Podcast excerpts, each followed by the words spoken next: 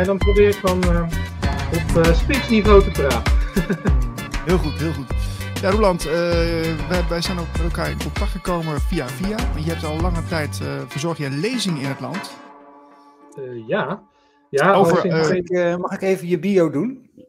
Oh. Ja. Want Roland heeft zijn eigen bio doorgestuurd, dat is altijd wel handig. Oh ja. staat, staat ook gewoon op zijn website hoor. Dus Roland, even kijken. Roland Beljon studeerde sociologie en is voorzitter van het Dutch Center for Crop Circle Studies, oftewel het DCCCS. Hij organiseert samen met Nancy Paulet onder de naam Sky High Creations en Infinite Source Creations lezingen en evenementen op het gebied van spiritualiteit en grenswetenschap. Daarnaast schrijft hij artikelen en geeft lezingen over graancirkels Sinds 1994 brengt hij elke zomer door in het Engelse Wiltshire om zich in het graancirkelfenomeen onder te dompelen. Aha. Dat, ja, dat klopt. Ja. ja, je had het verwacht. Hè? Ik heb het zelf geschreven natuurlijk. Ja. Ja, ja, we hebben heel veel foto's van jou ontvangen. En uh, daar, daar, gaan we zo meteen eventjes uh, in volle vluchten doorheen. Want okay. wij hebben bij Radio Gletscher uh, wel langere tijd aandacht voor graancirkels. Ook voor graancirkels waar wij van denken van, nou ja, wat moeten we hiermee? Wat, is dit wel echt of is het gemaakt? Ja. En dat zijn natuurlijk wel leuke vraagstukken. Ja, nou, die vraag stel ik me ook wel eens inderdaad. Ja. Wil je meteen over dit heikele punt beginnen?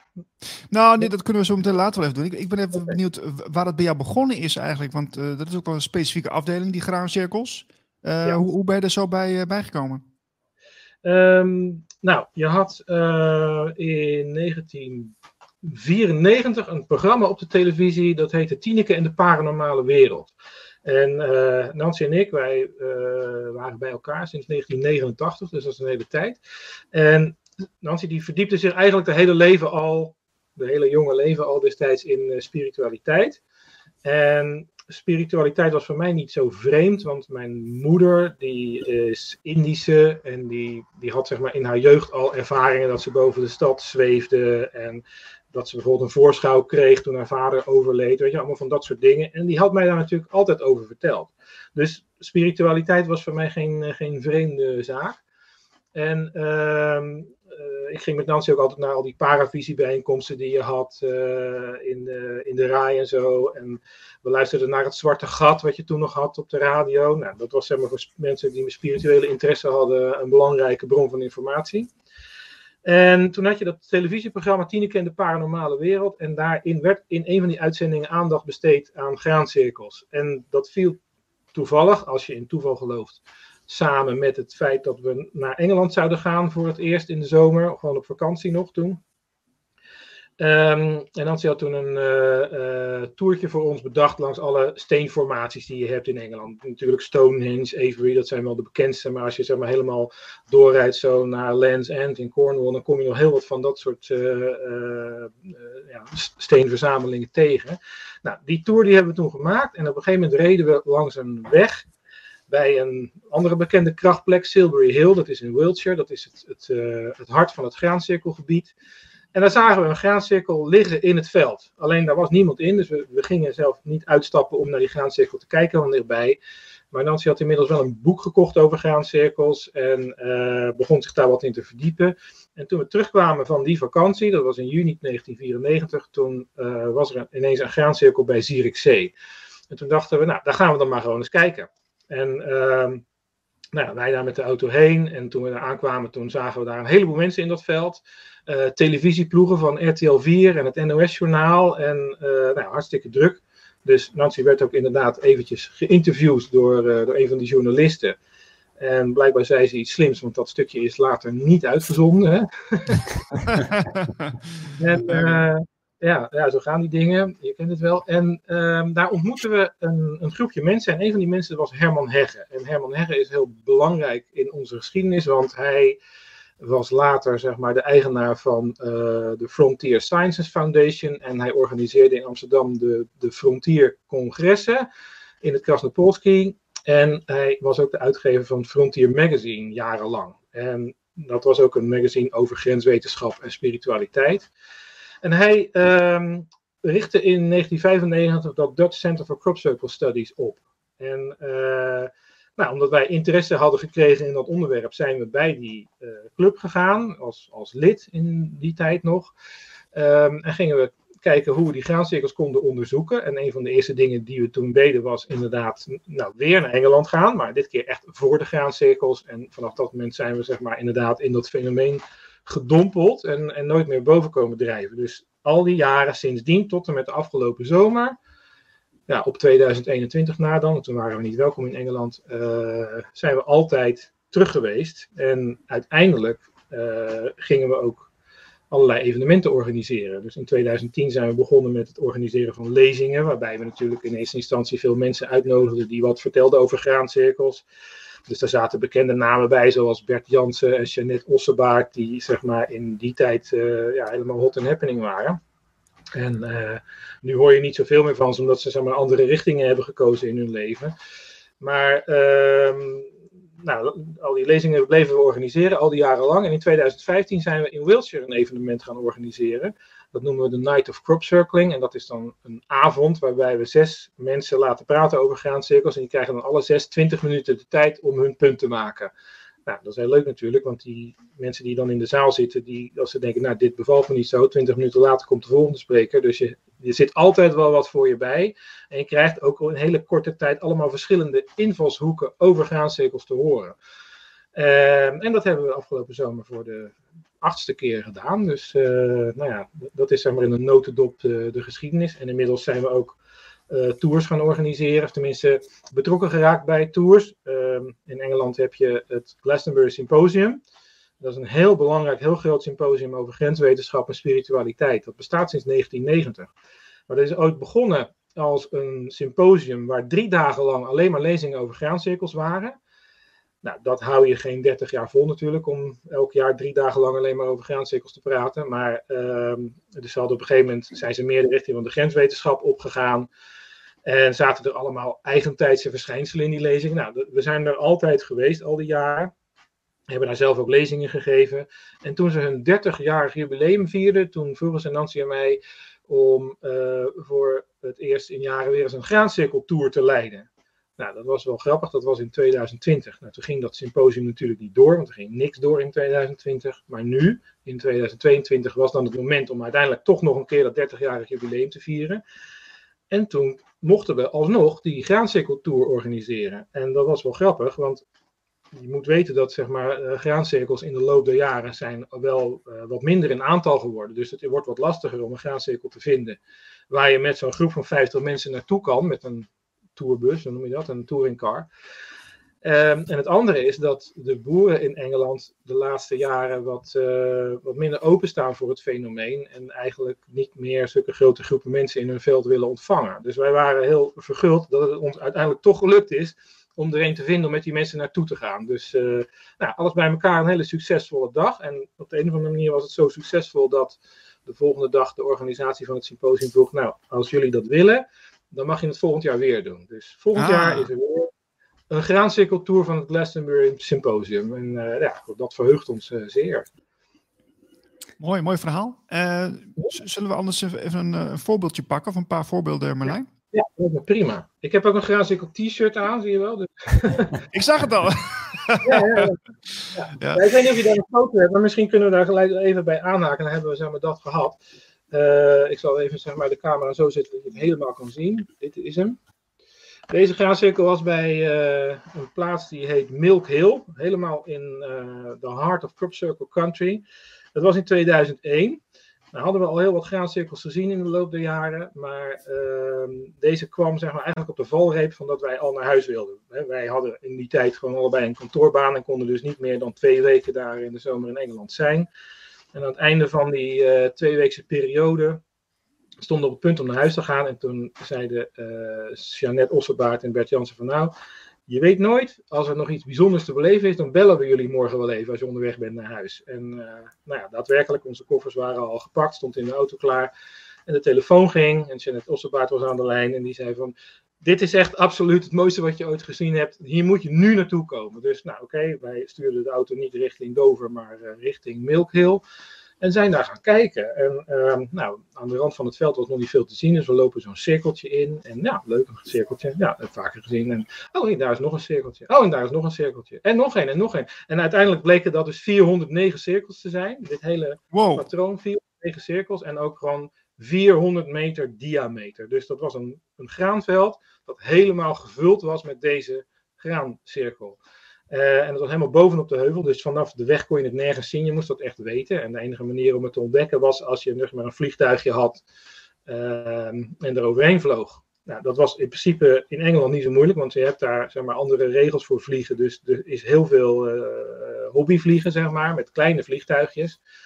En, um, en, zo kom je nog wel eens wat te weten natuurlijk, want die piloten en die, en, die, en die leerlingen die zien natuurlijk wel eens wat. Nou, zo was dit ook ontdekt. Alleen de dagen daarvoor had het uh, nogal geregend, dus werd er niet gevlogen. Dus de eerste dag dat er weer een vliegtuig de lucht in ging, werd meteen deze graancirkel gevonden. Nou, en het feit dat we dat van dichtbij mochten meemaken, want dit is legendarisch, hier praat iedereen tot op de dag van vandaag nog over. Dus het is een ongelofelijke eer dat je daar dan als een van de eerste nog bent geweest. En dat je er überhaupt bent geweest. Uh, maar het was voor ons ook een, een moment om te zien van, kijk, hè, er wordt veel over dat graancirkelfenomeen gepraat, als van, nou, dat zijn mannen met planken en weet je wel, je kent die hele discussie wel, dat is allemaal mensenwerk, hoop. Nou, als je dit ziet, dan denk je, ja, nou, dat is dan toch wel lastig. Want hoeveel militairen moet je wel niet meenemen om dit in één nacht in een veld te kunnen leggen? Weet je wel? En dat gaat niet mhm. ongemerkt voorbij. Dus uh, eigenlijk dat geloof dat we hadden dat er een daadwerkelijk fenomeen is, dat werd zeg maar door deze graancirkel nog eens een keer extra bevestigd. En daarna is dat vertrouwen ook nooit meer uh, verdwenen, zeg maar. Dat er een, daadwerkelijk een, een fenomeen bestaat dat graancirkels heet. Maar, maar wat is er zo speciaal nou aan, die, uh, aan, aan deze die, uh, die je draagt? Aan, aan, deze is, is eigenlijk vooral hè, het formaat en de aantallen. Hè? Dus van de, de, wet van de grote aantallen gaat hierop. Um, en dat haakt natuurlijk vooral aan bij de discussie over van is, is het mogelijk dat graancirkels door mensen worden gemaakt of niet. En um, omdat dit zo gigantisch groot en gigantisch veel is, uh, is het gewoon niet aannemelijk dat dat in één nacht door mensen is gemaakt. Kijk, ik weet dat er graancirkels door mensen worden gemaakt. Je hebt allemaal uh, uh, teams die beweren dat ze dat doen. En sommige daarvan die documenteren dat ook goed. En als je dan zeg maar de, dat soort videofilms bekijkt, of je weet bijvoorbeeld. In Nederland is er een, een man, Remco Delfgauw heet hij, die organiseert teambuilding sessies. En een van zijn uh, dingen waarop hij teambuilding sessies doet, is inderdaad het gezamenlijk maken van een graancirkel. En dat resultaat van die werkzaamheden, dat is ook echt fenomenaal goed. Uh, dat kan je misschien googlen een keer op internet, dan, dan krijg je die uh, graancirkels te zien die hij gemaakt heeft met die teams. Maar als je dan kijkt hoe dat gedaan is, dan zie je ook dat er heel veel voorbereiding aan vooraf gaat. En dat er heel veel energie en tijd in gaat zitten. En dat ze ook meerdere nachten de tijd nemen om die graancirkel plat te leggen. Dus ze gaan eerst gaan ze op een nacht gaan ze paaltjes uitzetten. Van daar en daar en daar moeten we dan gaan stampen, zeg maar. Dus uiteindelijk kun je ook gewoon zien dat er inderdaad wel mensenwerk bij is. En dat is ook heel erg goed. Maar uh, dat kost ook zoveel tijd dat, je, dat, het dus nooit in één nacht kan. En dan moet je ook weten dat, ja, hoe lang duurt een zomernacht hè, eh, in, in juni en juli? Nou, die is maar een uurtje of vier. En dan wordt het alweer licht. En dan word je weer gezien door de mensen uh, in de omgeving. En in Wiltshire vooral, waar natuurlijk graancirkelaars zitten te nightwatchen. Ze, ze zitten op heuvels, ze wachten daar totdat er ufo's komen of lichtverschijnselen. Of dat er graancirkels ontstaan. Nou, en als je daar dan inderdaad met uh, een team van 30 man een graancirkel gaat lopen stampen en je doet daar drie nachten over, dan word je gewoon gezien. Dat kan niet anders. Dus... Ja, maar dan, dan, vraag ik me ook af van Roeland, uh, uh, dat, dat überhaupt dat, dat mensen dat dan doen, oké, okay, maar is, is het dan niet strafbaar? Want je maakt toch land van een boer kapot? Ja, Er is één uh, graancirkelmaker, zo'n hoaxer, is ooit betrapt. Een Matthew Williams.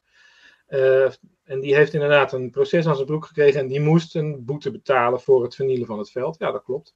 Ja. Er wordt verder niet heel veel werk van gemaakt op die manier hoor. Ik zou verwachten dat je dus uh, als boer en je hebt al 30 jaar uh, graancirkels in je veld en je gelooft niet in dat fenomeen, dat je vaker zou zeggen, nou we halen de politie erbij en we laten die jongens vervolgen. Dus of het is heel moeilijk om die mannen te vinden, uh, of ze ja, hebben er toch twijfels over. Dus ik weet niet precies hoe dat zit. Die boeren zijn er zelfs altijd een beetje ja, geheimzinnig over. Eigenlijk geloven ze niks.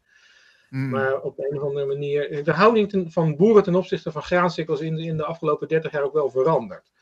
Uh, Tim Carson, dat is de, de grootste landeigenaar in Wiltshire. En ook een eigenaar van een heel groot graanveld. Waar inderdaad 30 jaar achter elkaar elk jaar graancirkels in waren die zei in het begin van de jaren negentig van ik verdien meer geld aan uh, de graancirkel en de merchandising die ik daarbij doe en het feit dat ik er geld voor vraag aan mensen om hier te mogen komen kijken, dan dat ik zou verdienen aan het graan wat hier plat is gestampt.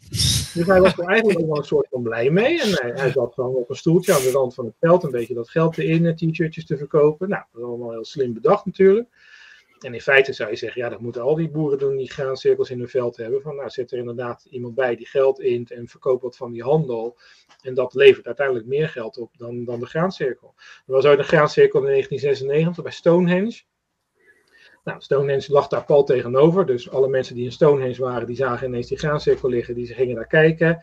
Het is er ligt een hele drukke weg langs. De belangrijkste verkeersader tussen Londen en uh, Zuidwest-Engeland is, uh, is die weg. Dus daar kwam heel veel verkeer langs. Die gingen ook allemaal kijken. Dus die boer die had iets van 30.000 pond opbrengst aan die graancirkel.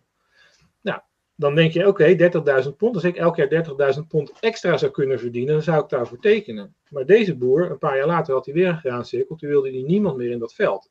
Nou, dan vraag ik me af, wat is daar dan gebeurd? Dat die boer ineens denkt van, nou, ik wuif die 30.000 pond weg, want ik vind iets anders belangrijker. En wat is dat dan wat hij zoveel belangrijker vindt? Ja. dat is een, een goede vraag die ook nooit echt beantwoord wordt. Roland, we gaan even kijken naar een paar voorbeelden. Want uh, er, zijn, er zullen mensen zijn die naar deze uitzending kijken. Die van ja, we hebben het over graancirkels. Nooit van gehoord. Die, die mensen die zijn er.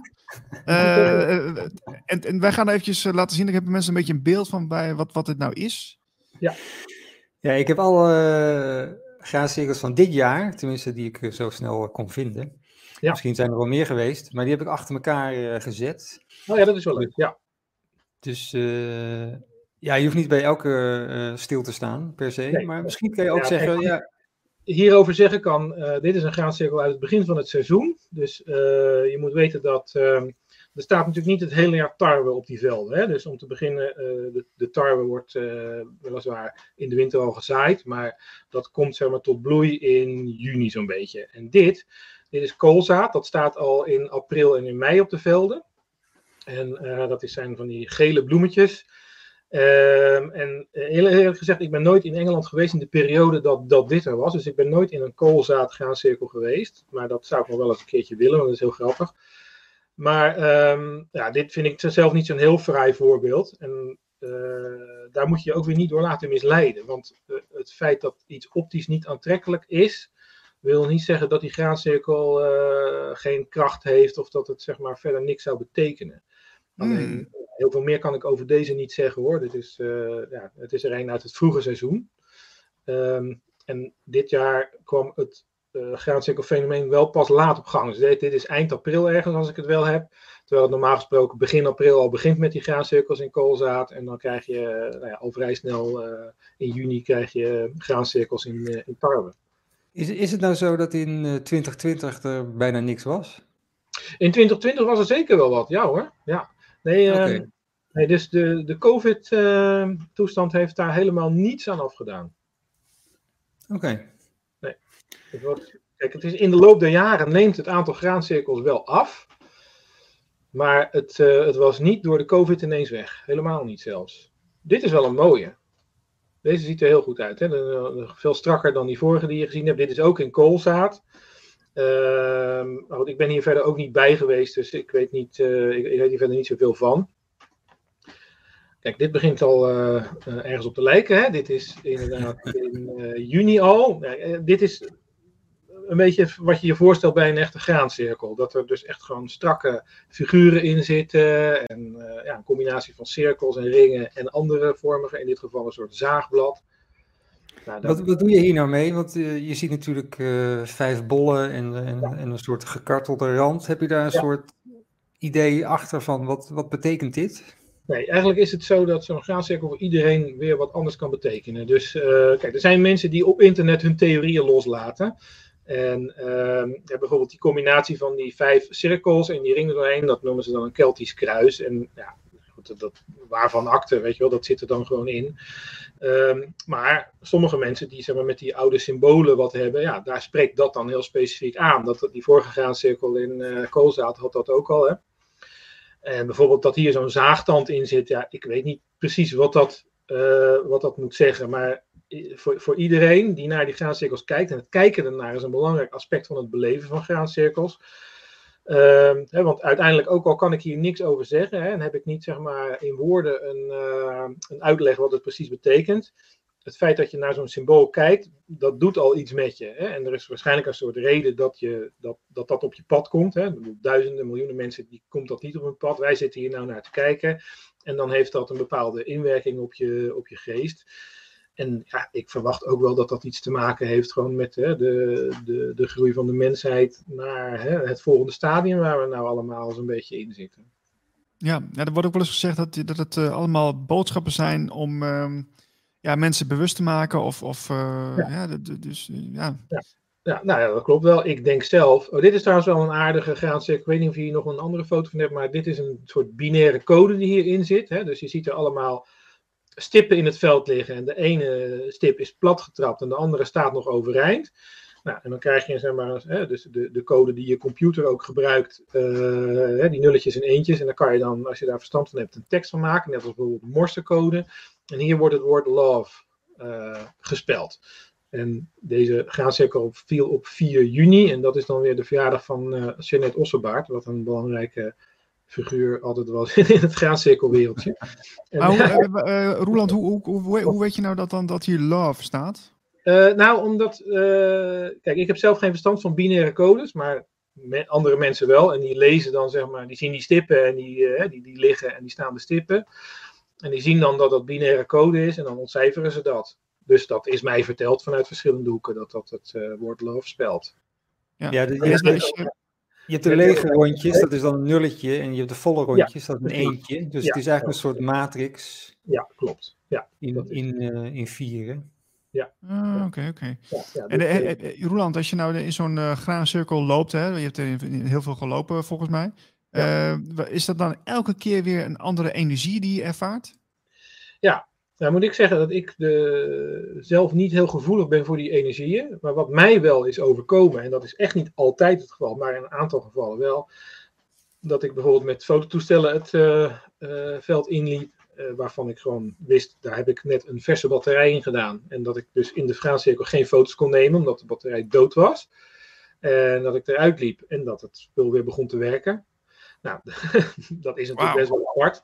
Ja, dat, dat, dat duidt dan op een soort weet ik veel, elektromagnetische straling die dan effect heeft op je, op je apparatuur. Zo heb je ook mensen die, zeg maar, die nemen een mobiele telefoon mee, een graancirkel in. En die kunnen buiten de graancirkel nog wel bellen en in de graancirkel niet. Terwijl degene die naast hen staat dat wel kan. Nou, dat zijn allemaal van die merkwaardige uh, gebeurtenissen. En, en wat ik natuurlijk wel heel veel zie, dat is dat andere mensen om mij heen, uh, dat die wel allerlei dingen voelen. Dus die lopen een graancirkel in en die handen beginnen te tintelen. Of de een krijgt juist een beetje hoofdpijn, of bij de ander gaat de hoofdpijn juist weg. En ja, wat ik in mijn eigen relatie vaak heb gemerkt, was dan uh, als we dan een beetje oneenigheid hadden onderweg naar de graancirkel toe. Hè. Na 30 jaar heb je wel eens oneenigheid onderweg in de auto. En dan uh, uh, ontstaat er een beetje een, uh, een, een, een, merkwaardige sfeer. Nou, op het moment dat we dan die graancirkel ingingen, was dat in één klap over. Dan, was het, hè, dan nam de happiness het over en de joy en, en, de, en het plezier in het ervaren van wat daar gebeurt. Waardoor je zeg maar, totale verandering van mentale staat kreeg. Dus ja, ik kan het iedereen aanbevelen om die graancirkels ook echt te bezoeken. Hè? Waar dat kan, moet je dat gewoon eens een keertje doen. Want het is een aparte ervaring. Ja, kijk, dit is ook wel een, uh, wat, ik, wat ik dan een, serieuze graancirkel zou noemen. Ik ben hier ook niet geweest. Het was uh, te vroeg voor mij, maar ik vind dit een, een, een hele fraaie.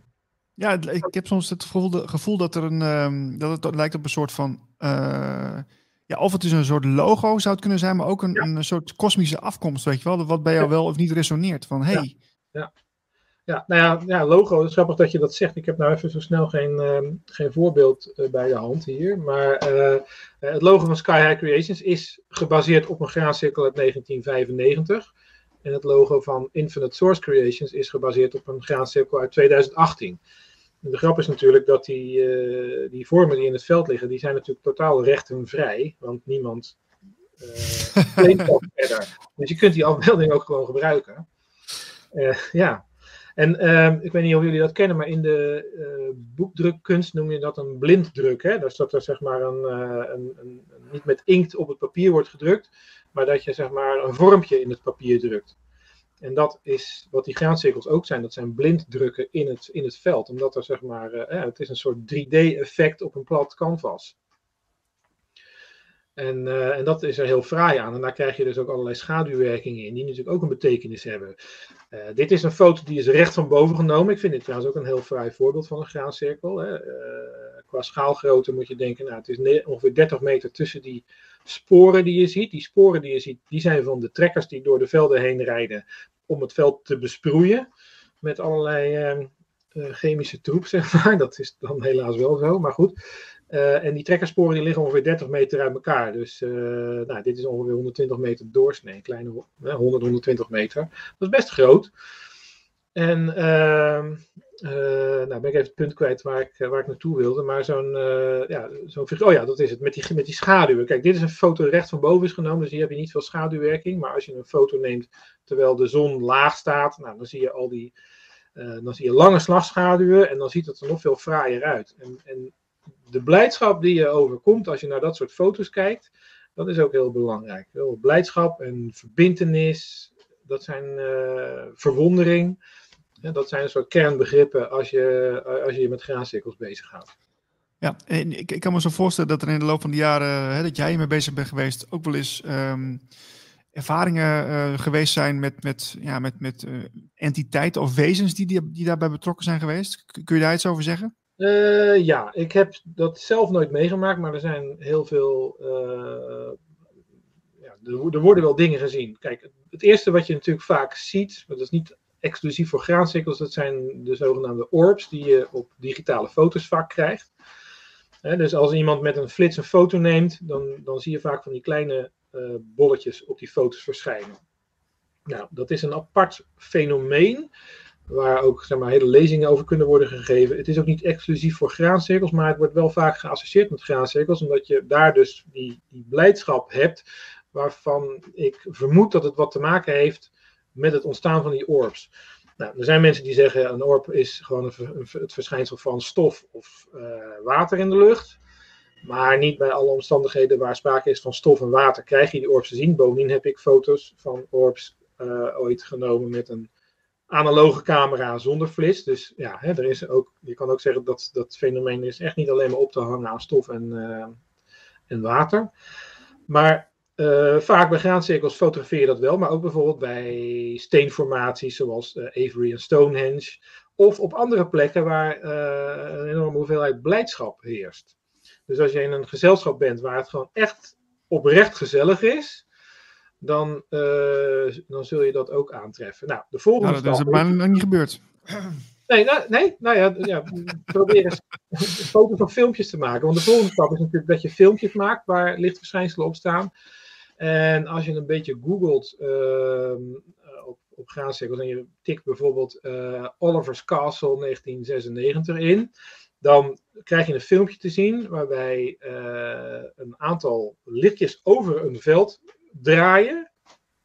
En dan zie je, als je goed kijkt, onder die lichtjes een graancirkel ontstaan. Die, die ontstaat daar gewoon zeg maar spontaan. Oliver's Castle, zeg je? Oliver's Castle, ja. Ja, in 1996. Dit is de enige uh, serieus te nemen filmmateriaal van het ontstaan van een graancirkel. Verder zijn er wel getuigenverslagen van, maar dat is altijd met foto's van voor en na. Maar dit is echt dat je het ziet gebeuren. Dat is een controversieel filmpje, want er zijn natuurlijk mensen die zeggen, ja, dat is in een studio gemaakt. En het is daadwerkelijk zo dat degene die die video heeft gemaakt wel in een studio werkte. Maar in 1996 had je nog niet, zeg maar, op je laptop de mogelijkheid om in een verloop van twee, drie uurtjes even zo'n filmpje in elkaar te flansen. Want die graancirkel die was er daadwerkelijk de dag ervoor niet. Dus die film is op die ochtend gemaakt. En ehm, deze man die zat zeg maar, op, de, op de heuvel, zette op een gegeven moment die camera aan door een ingeving, weet ik veel. Maar zo gaan die dingen vaak. En ehm, hij, hij zag dat gebeuren en filmde dat min of meer toevallig. En is daar een paar uur later met dat filmmateriaal naar een plek gegaan waar graancirkelaars zich verzamelden in die tijd. En hij liet dat aan die mensen zien. Dus de kans dat dat filmpje gefabriceerd is in de studio is uitermate klein in mijn optiek. Dus ja, dan moeten we. Uh, ik ga, ja, nou kijk, daar heb je hem. Ah. Handig hè, dat internet. ja. Ja, ik heb deze wel eens gezien volgens mij. Ja, ja. ja. ja dat is het. Ik heb wel eens gehoord dat, uh, van iemand die zei van, uh, ja, wij, wij, wij de mensen zelf zijn degene die die graancirkels maken eigenlijk. Ja, dat zeg ik eigenlijk ook. Um, ik denk namelijk wel dat de, de, de graancirkels daadwerkelijk een soort boodschappen zijn van ons hoger zelf aan ons in deze tijd. Um, al sinds jaar en dag uh, worden natuurlijk die graancirkels geïnterpreteerd door mensen. En dan wordt er vaak gezegd van ja, het is een soort waarschuwing van nou, uh, let op je bent langzaam de wereld naar de verdommenis aan het helpen. Nou, dat is natuurlijk zo. En uh, ja, het wordt tijd als mensheid om daar wat aan te doen. Hè? Dat is maar een hele simpele boodschap die, die vaak geassocieerd wordt met graancirkels, al sinds begin van de jaren 90. En toen in 2002 lag er een graancirkel ook weer met zo'n binaire code. Het was een verbeelding van een uh, grey alien. Zo'n hoofd, weet je wel, met van die amandelvormige ogen. En naast die alien lag een soort compact disk. En die compact disk die bestond ook weer uit stippen en streepjes. En die stippen en streepjes, dat was ook weer zo'n binaire code. En daar zat een hele boodschap in. En dan moet ik kijken of ik dat uit mijn hoofd kan. En het stond iets van: uh, Beware the bearers of false gifts. We oppose deception. Conduit closing. Dat is hem, inderdaad. Ja, heel goed. Ah, wauw. Ja, dit is echt, dit is echt, uh, dit, is geen, dit is geen namaak, dit is echt. Het is helemaal echt. Ja, ja. Er zitten een paar aspecten in die interessant zijn. Uh, het jaar daarvoor had je een graancirkel die was opgebouwd uit stippen. Zoals je een, een foto in een krant maakte vroeger. De foto's in de kranten vroeger waren ook, dat waren allemaal stipjes. En als er meer stipjes stonden, werd het donkerder. En als er minder stipjes stonden, werd het lichter. En zo kreeg je zeg maar zwart-wit foto's op papier. Deze uh, graancirkel is opgebouwd uit beeldlijnen, zoals de beeldlijnen van een ouderwetse televisie. In, in 2002 hadden we nog allemaal, hadden we nog niet van die flatscreens, maar van die ronde televisies. Nou, het beeld dat daarin werd opgebouwd, dat zag er zo uit. En dan die boodschap daarnaast, die uh, achteraf kunnen we zeggen wel een boodschap was voor 20 jaar later. En dus de tijd waarin we nu leven, daar is die boodschap heel erg uh, van, op, van toepassing. Want die bearers of false gifts, ja, dat zijn in mijn optiek de mensen die ons nu die uh, injecties willen verkopen, die niet doen wat ze zeggen dat ze doen. Weet je wel? De, we hebben die hele COVID-discussie gehad de afgelopen twee jaar. Waar krijg je dan die vaccinaties voor? Het minste wat je kunt zeggen is dat je wel vraagtekens kunt zetten bij die vaccinaties. Nou, en dat zijn in mijn ogen die false gifts. Een hele politieke situatie zoals we die nu hebben. Daar werd eigenlijk in 2002 in deze graancirkel al voor gewaarschuwd. Ik heb daar uh, in het tijdschrift Bloom een artikel over geschreven. En ik zal het een deze dagen uh, via Facebook wel publiceren, want inmiddels is het nummer uit de winkels. En daar staat dan zeg maar het hele verhaal in. Ja. Dit komt van uh, de Pulse. De Pulse.one is de website. Ja. Er is een heel artikel over dit, deze graancirkel. Ja. The Crabwood message consists of two consists ja. of two parts: an alien picture and a picture representing spiral-like bit sequence, ja. starting from the center of the picture and proceeding counterclockwise. It has been proposed that the message is coded using 9-bit code and that 8-bit portions obey dat uh, die uh, computertaal, die ja. ES uh, nog wat. With this assumption, the message reads as Beware the bearers of false gifts and their broken promises. Much pain, but still time. En dan iets uh, onverklaarbaars. Ja, precies. There is good out there. We oppose deception. conduit closing. Ja, ja ik vraag me wel eens af, uh, uh, al die boodschappen die jij de afgelopen jaren voorbij zien komen in die graancirkels, uh, wat, wat maak je daaruit op, Roland? Nou ja, precies dit. Um, dat, dat we dus nog heel even tijd hebben om onze ja, shit together te krijgen, zeg maar. Hè, en om, om onze manieren van leven wel te veranderen. om, om, maar, de aarde te laten voortbestaan. En onszelf ook, dat is een keuze de, de stap naar, naar, ja, naar het volgende niveau te maken. Eigenlijk denk ik dat het zo is. Hè, dus of we kiezen met z'n allen ervoor om nu inderdaad de stap naar die volgende dimensie te maken. Mensen noemen dat de vijfde dimensie, maar het maakt verder niet uit hoe je dat verder noemen wil. Maar er is een soort ontwikkeling in de mensheid gaande. Hè, en, en, en we moeten nou naar die volgende stap. Het alternatief is dat we, zeg maar, zoals Atlantis uh, binnenkort weer uh, ten onder gaan. En dan moeten we weer van voren af aan beginnen. Uh, nou, dat klinkt misschien een beetje dramatisch, maar alles wijst erop dat zeg maar, de manier waarop we de afgelopen 200 jaar geleefd hebben, hè, dus de, de, de, de, de groei-economie komt tot een eind, het bankwezen komt tot een eind, uh, de consumptiemaatschappij komt tot een eind. Dat kan allemaal gewoon niet meer. De, hè, de aarde kan dat niet aan en de mensen zelf kunnen dat ook niet aan. En uiteindelijk uh, nou, stort dat allemaal in elkaar. Of je kiest ervoor zeg maar, om eh, op een andere manier te gaan leven. Uh, en, de volgende stap te maken in de, in de, in de geestelijke ontwikkeling van de mensheid. Uh, ja, zonder dat ik nou precies kan aangeven wat dat moet zijn. Hè? Maar goed, men kan daar gezamenlijk over nadenken. Uh, ik denk wel dat dat moet gebeuren, of anders dan is het gewoon, ja, dan is het voorlopig even klaar weer. En dan moeten we weer van voren af aan beginnen. En dat is volgens mij een boodschap die in die graancirkels verborgen ligt. En ik denk ook dat langzaamaan um, die boodschap bij de mensen wel duidelijk is. En dat dat ook een van de redenen is waar, waarom het graancirkelfenomeen in ieder geval in aantallen steeds minder wordt. bijvoorbeeld in Nederland hadden we in 1996 ruim 100 graancirkels. Nou, het afgelopen seizoen waren het er nul en ook in de omgeving van, uh, van Hoeven, waar je veel grascirkels aantrof in de afgelopen tien jaar. Nou, dat is ook niet meer. En ook in Engeland, waar zeg maar, ja, het, het graancirkelgebied Wiltshire, waar er gewoon altijd gewoon 70 nou, tot 100 graancirkels waren in een zomerseizoen. Dat is ook niet meer. Het afgelopen jaar waren het er, nou, hoeveel heb je er in die fotoserie zitten? 15 of zo. Maar is het dan een goed teken, Roland, dat, uh, dat er minder uh, cirkels zijn?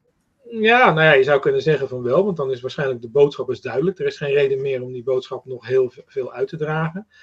Uh, er gebeuren andere dingen in die graancirkels die wel de moeite waard zijn. Hè? Dus bijvoorbeeld, kijk, ik draag in mijn lezingen altijd uit van uh, de vraag van is het mensenwerk of niet, die moeten we verlaten. Dat is er niet van belang. Het gaat erom wat je in dat veld ziet, wat dat met jou doet en dat jij ook moet proberen om, om interactie met dat fenomeen te krijgen. Nee, je moet natuurlijk niks. Hè. Je, als je een graancirkel wilt beleven, dan kun je proberen om interactie met het fenomeen te krijgen. Dus door er bijvoorbeeld in te mediteren, of uh, nou ja, door, door, er op alle mogelijke manieren van te genieten, door verbindenissen aan te gaan met de mensen die je daar ontmoet.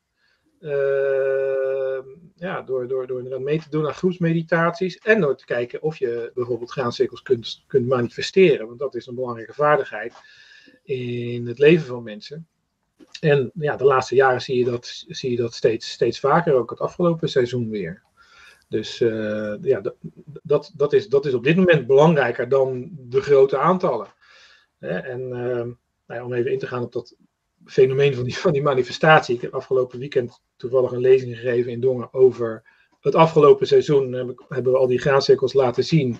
En zijn we ook ingegaan op uh, hoe, dat, hoe dat manifesteren werkt.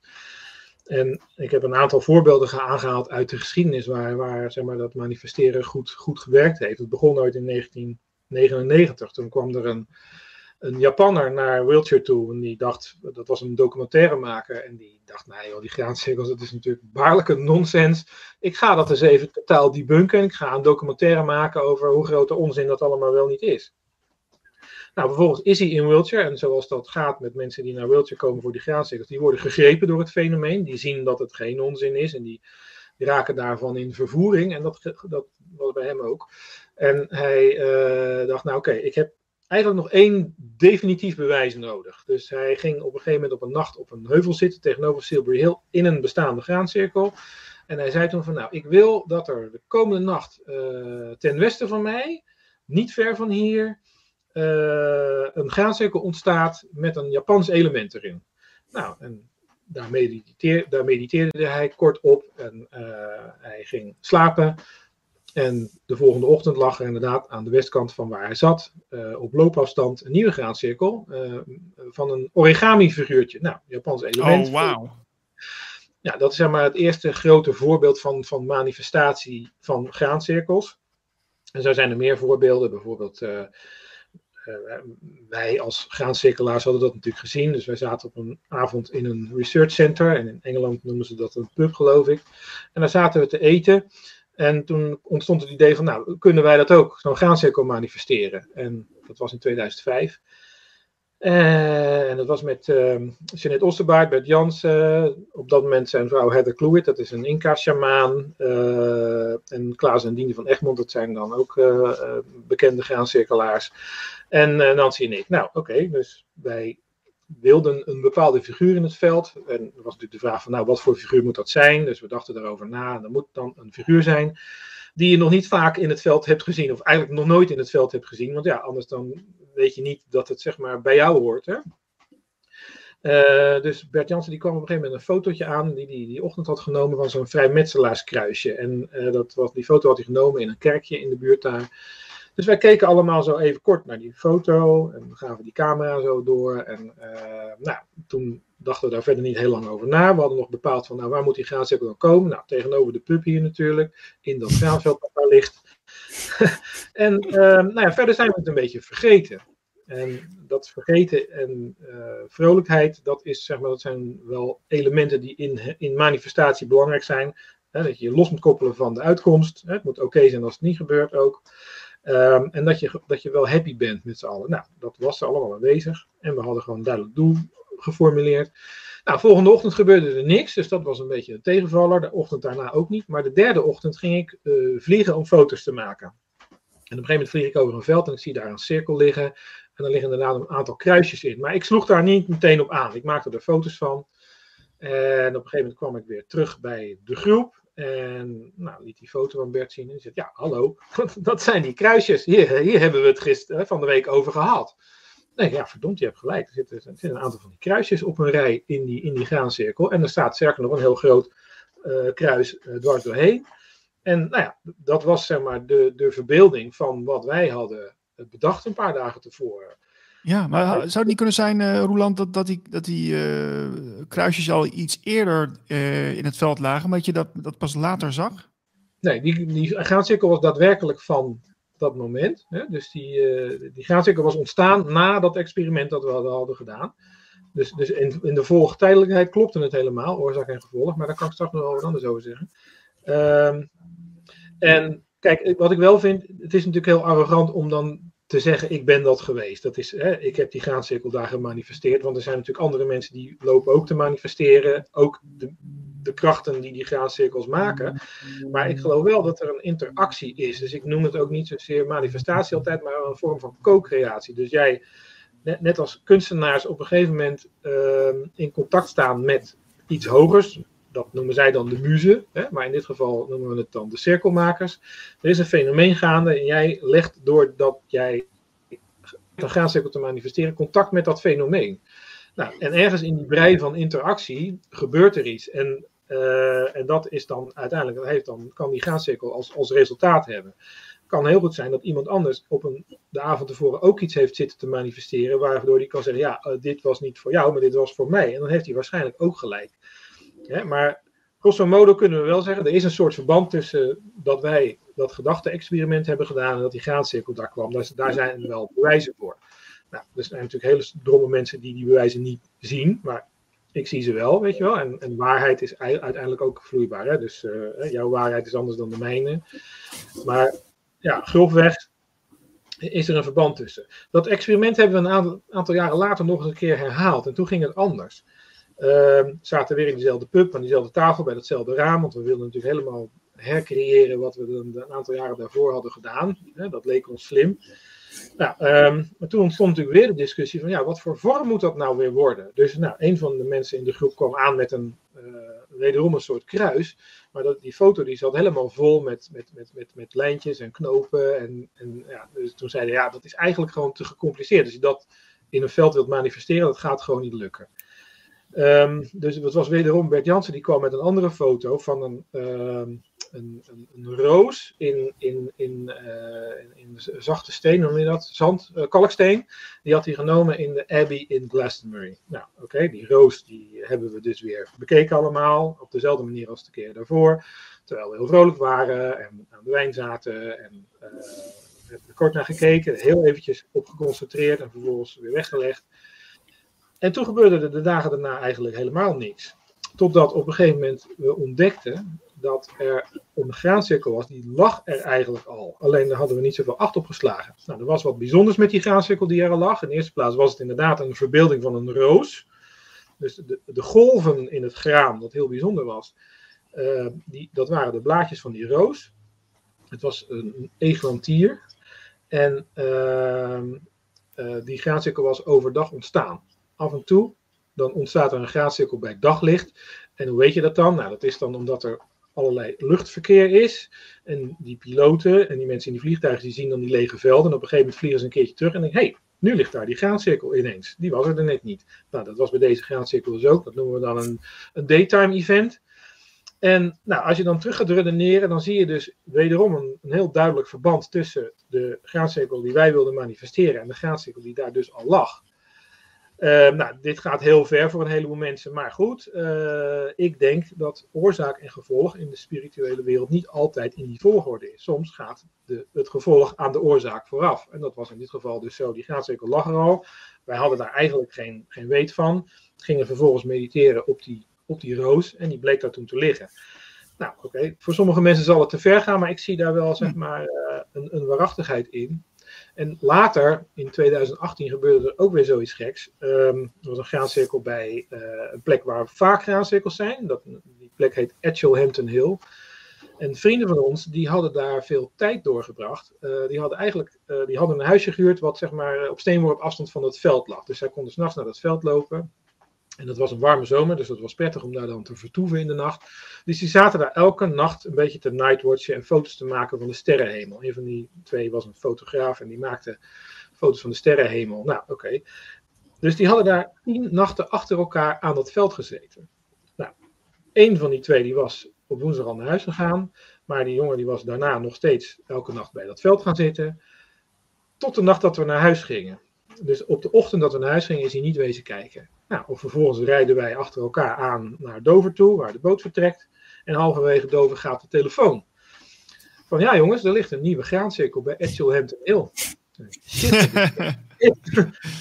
Ik was daar nog wel een beetje pist over. Shit man, ik ben al anderhalf uur die kant op aan het rijden. Dan moet ik anderhalf uur terugrijden. En straks weer anderhalf uur die kant op rijden. Dan ben ik drie uur verder om op de plek te komen waar ik nou ben. Weet je wel? Ik weet niet of ik dat wel wil. Maar goed, Nancy en deze jongen die zeiden, ja, we gaan dat toch doen. En vooral uh, deze Frank die zei toch van, ik kan niet geloven dat ik vanmorgen niet naar dat veld ben gaan kijken. Want dan had ik hem gezien. En toen dacht ik, nee, als jij naar dat veld was gegaan, dan had die graancirkel daar niet gelegen. Want dat is namelijk mijn ervaring met graancirkelarij in de loop der jaren. Dat fenomeen dat speelt met je. En er gebeuren allemaal merkwaardige dingen. En er is helemaal niks geks aan om aan te nemen dat die graancirkel daar die ochtend niet had gelegen als jij was gaan kijken. Dus het feit dat jij weg bent gegaan en dat we al, al halverwege doven waren, dat, daarom hebben wij dit cadeau nog gekregen. En inderdaad, toen wij daar aankwamen, het, was, het stortregende de hele weg. En op het moment dat we bij het veld kwamen, brak de hemel open en was het prachtig. Het was wel modderig, maar het was prachtig weer konden daar hele mooie foto's maken. We hebben ook weer mensen ontmoet die we anders nooit ontmoet hadden. Die graancirkel was prachtig, want hij was helemaal vers. Er was nog bijna niemand geweest. Um, dus sowieso al een hele helende ervaring, zeg maar. En, en, en ook nou, de vorm die die graancirkel had, die heeft Nancy uiteindelijk voor dat Infinite Source Creations als logo gekozen. Dat is zo bijzonder. Uh, Hampton 2018, misschien kan je hem vinden. En um, de grap is ook, er zit nog een apart verhaaltje aan, dat uh, we hadden in die week daarvoor in Marlborough, een platenwinkel, een cd gekocht van Prince. En Prince die heeft eh, op een van zijn eh, CD's, dan staat hij afgebeeld met een foto, eh, met een zonnebril, die drie glazen heeft. Dus twee glazen voor zijn ogen en één voor zijn derde oog. Ah.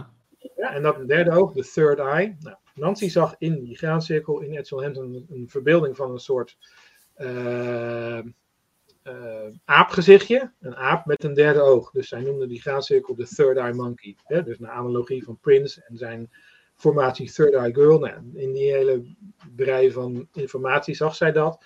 Dus die graancirkel gaat de geschiedenis in als de Third Eye Monkey. Hij staat hier niet op hoor. Uh, wat je nu laat zien, dat is zeg maar het logo van Sky High Creations. Dat is een graancirkel uit 1995. Dat was eigenlijk de eerste bijzondere ervaring die wij samen in een graancirkel hadden. Dus om dat zijspoor ook maar even gelijk te bewandelen. In 1995 had je natuurlijk nog geen heel sterk ontwikkeld internet. Dat echt anders nu. Je had zeker geen satellietnavigatie en je had eigenlijk ook geen mobiele telefoon. Wij hadden geen mobiele telefoon. Dat was nog niet normaal voor mensen om dat in je zak te hebben. Mm. Maar hoe vond je dan die graancirkels? Nou, dat was natuurlijk grotendeels op intuïtie. Dus in 1995 kwamen wij voor het eerst voor de graancirkels in Wiltshire. En het enige wat wij konden doen was aan iemand vragen van, nou oké, waar zijn die graancirkels dan? Ik zie ze nog even niet. Nou, dan noemden ze een aantal plaatsnaampjes op, waaronder het plaatsnaampje East Meehan. Zelfs de meeste Engelsen hebben nog nooit van East Meehan gehoord, laat staan dat wij dat hadden. Dus nou ja, wij uh, op een kaart zoeken waar dat plaatsje was. Nou, vijf huizen en een, en een kroeg. Dus wij daar naartoe en dan denk je van, nou, hoe moeilijk kan het zijn om die graancirkel te vinden? Nou, fijn, 2,5 uur later hadden we hem nog niet gevonden, dus we dachten, okay, laat maar, volgende keer. Dus ik geef gas en ik kijk nog even tussen de bomen en ik zie, een, ik zie die graancirkel Shit, op de rem stoppen. Nou, dat was zeg maar uh, een van de eerste bijzondere ervaringen met graancirkels, omdat het veld was helemaal leeg. Het was totaal zonnig, dat zie je op die linker foto ook. Nancy zit daar te mediteren in die graancirkel en dat, ja, dat was betoverend. En ik denk, ja, daar ligt zeg maar het zaadje voor de 30 jaren die daarop volgden. Dat we dus elk jaar weer terug zijn gegaan uh, op zoek naar nieuwe ervaringen met graancirkels. En dat is ook heel behoorlijk gelukt altijd. Maar omdat dit zeg maar zo bijzonder was, hebben we daar uiteindelijk het, uh, dit als logo gekozen voor Sky High Creations. Onder welke naam we dus al die tijd die lezingen hebben georganiseerd. Onder andere over graancirkels, maar ook over andere vormen van, uh, van. Ja, inderdaad. Wel, wel interessant. Ja, ja. Dus er zijn heel veel mensen die zijn ook wel een beetje op zoek naar mystieke ervaringen misschien. Ja, uh, ja. Maar ik ben er wel benieuwd, uh, Roland, uh, want jij doet nou al best wel een tijd. Wat, wat, wat drijft jou zo om dit te, ja, te, over te brengen aan, aan, aan, aan de mensen? Ja, dat is natuurlijk een goede vraag. Want kijk, wat ik altijd zeg, um, hè, moet je oppassen met die graancirkels, want het kan je leven nogal drastisch veranderen. Dat is dus in ons geval wel gebeurd. Kijk, wat ik net al zei, in, in de beginjaren hadden wij allebei een kantoorbaan. Nou, op de een of andere manier zijn we die allebei uh, kwijtgeraakt, zeg maar. Vind ik niet gek hoor. Onvrijwillig, maar goed, uh, uiteindelijk wel beter, want ik zou niet graag meer de hele dag achter het bureau zitten, maar goed. Um, maar ja, dat graancirkelfenomeen heeft dat wel veroorzaakt. dat we ons bezighielden met spiritualiteit daarvoor al. Dat is één ding. Maar op de een of andere manier is dus iets in die graancirkels, en wat dat nou precies is, weet ik niet, dat, dat je elk jaar weer terugtrekt, uh, terugbrengt naar dat wildje, om daar dat dan weer te beleven. En ik denk dat dat ook voorlopig nog niet klaar is. Uh, volgend jaar gaan we weer. En ik denk uiteindelijk zelfs dat als de graancirkels daar niet meer zijn, dat we nog steeds elk jaar wel naar Wiltshire zullen blijven gaan. Als een soort na-effect van die, van die drie decennia graancirkelerij die we achter de rug hebben. Kijk, er zitten een aantal aspecten aan die belangrijk zijn. Dat is natuurlijk dat, uh, dat verbindende. Uh, wat we gemerkt hebben in, in de afgelopen jaren is dat je, ja, er ontstaat natuurlijk een soort community om die graancirkels heen. En die ontmoet je daar dan elk jaar. En dat is natuurlijk heel plezierig. Dan, het, het, het is een, een graancirkel sowieso is een plek waar min of meer gelijkgestemden elkaar ontmoeten. Als jij naar een graancirkel toe gaat, kom je altijd wel iemand tegen met een bijzonder verhaal. Of iemand waar je aansluiting mee hebt. Of in ieder geval mensen waar je een beetje op, nou ja, laten we zeggen, gelijk niveau. Hè? Niet hiërarchisch zien, maar wel ja, met een Resoneert. Achtergrond. Ja, ja, precies, waar je mee je resoneert. Mensen die diezelfde interesse hebben. En die ook op zoek zijn naar andere mensen. Want ik merk natuurlijk wel, ook als je zeg maar hè, lezingen organiseert en allerlei evenementen op het gebied van spiritualiteit en grenswetenschap Ehm, heel veel mensen zijn daar best alleen in. Die, die lopen die weg, maar hun partner heeft er geen interesse in. Of, en ze kunnen sowieso moeilijk mensen vinden waarmee ze contact kunnen maken. Nou, als je naar dat soort evenementen gaat, dan, dan, dan vind je die mensen. Maar ook als je naar een graadscirkel gaat, dan vind je die mensen. Dus er gaat een heel sterk verbindend effect van uit. Ehm, en als je behoefte hebt aan, aan verwondering, hè, dus uh, dat je zo'n graancirkel bezoekt en altijd toch weer denkt van ja, nou, dit is zo mindblowing, bijzonder. Hè, hoe het hier ook gekomen is, maakt niet zoveel uit. Maar het feit dat het er ligt en dat je hier dan bent en dat je dat kunt zien. En, en, en ja, al die mensen die die dingen voelen en zien, ja, dat is alles bij elkaar uh, ook een reden om altijd weer terug te gaan. Maar goed, dat het je leven verandert, ja, dat, dat is natuurlijk nogal zo, weet je wel. Wij zouden hier niet zitten te praten zo. Ik zou die lezing nooit geven als we niet... Uh, we hadden heel dat Sky High Creation nooit opgericht als dat niet met die graancirkels was begonnen. Dus ja, in die zin, uh, ja, dat is eigenlijk wat, wat elk jaar weer de drijfveer is om toch weer terug te gaan. En, en nu vraag ik me ook af, hè, want je gaat dus vaak naar Zuid-Engeland. Um, ja. Nu hebben we ook uh, naast ons een heel groot land liggen, dat heet Duitsland. Misschien ken je dat wel. Dus uh, is ja, ook al ja. af en toe wat, wat gebeurt. Maar is, is, gebeurt daar helemaal niks aan graancirkels? Er was er dit jaar één.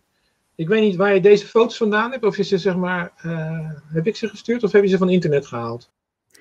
Nee, deze is van, van internet. Ja, ja, ja oké. Okay. Nee, want er circuleert op internet één foto van het afgelopen jaar. En de graancirkel was in Beieren.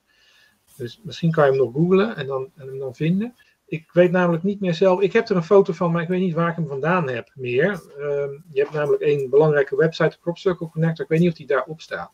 Maar goed, maakt niet uit. In ieder geval, dit jaar was daar dus één graancirkel. In de afgelopen decennia zijn er meerdere graancirkels geweest in Duitsland. In Duitsland heb je ook een, een, een DCCS-achtig uh, onderzoekscentrum. Dat noemen ze de FGK, hè, de Forschung nou, weet ik veel, iets in die geest. Die, uh, die houden zich daar ook mee bezig.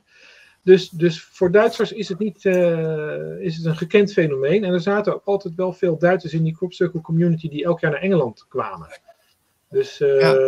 ja. Maar waar, waar, ligt dat dan aan volgens jou, ja. dat dat daar niet gebeurt? Nou, de, ik, ik kan het beter antwoorden aan de hand van de vraag waarom gebeurt het zoveel in Wiltshire? Uh, Wiltshire heeft een bepaald landschap. En uh, het eerste wat je erover kan zeggen is dat er heel veel kalk in de grond zit en daarmee ook heel veel vocht. En er zijn stromingen die beweren dat vocht en wat te maken heeft met het ontstaan van graancirkels. En als je, ehm, er zijn plaatjes waarop je zeg maar de, de kalklagen in Wiltshire in kaart ziet gebracht. En als je daar overheen projecteert, de plekken. Hier moet je even bij blijven staan, daar heb ik straks een verhaal over. uh, dan...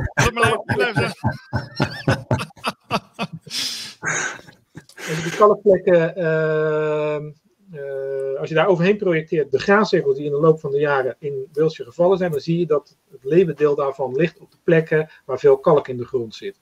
Nou, als je nou aanneemt dat uh, hitte en vocht iets te maken hebben met het vormen van graancirkels, dan kan je zeggen, nou oké, Wiltshire is een uitstekende breeding ground voor graancirkels.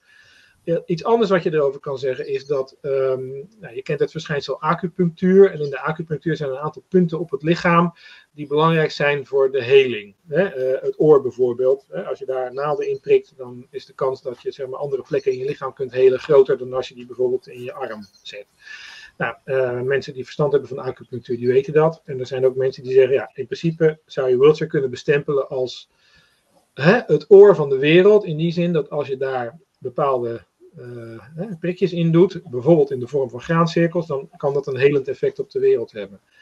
Nou, en als je dan zegt van, nou oké, Duitsland is dus niet het oor van de wereld, Wiltshire is dat, dan zou dat een reden kunnen zijn dat je daar minder graancirkels aantreft dan in Wiltshire. Want wereldwijd, al jarenlang, is Wiltshire het, het hoogtepunt van de graancirkels. Als je zeg maar Wiltshire uh, 100 graancirkels had, dan waren de andere 100 van dat jaar waren in de rest van de wereld. Dus, Zo. Ja, zo, zo, en je vindt ze overal, hè? Eh, want afgelopen zomer was er bijvoorbeeld ook wel weer een in Rusland. Maar overal, Australië, Amerika, Canada.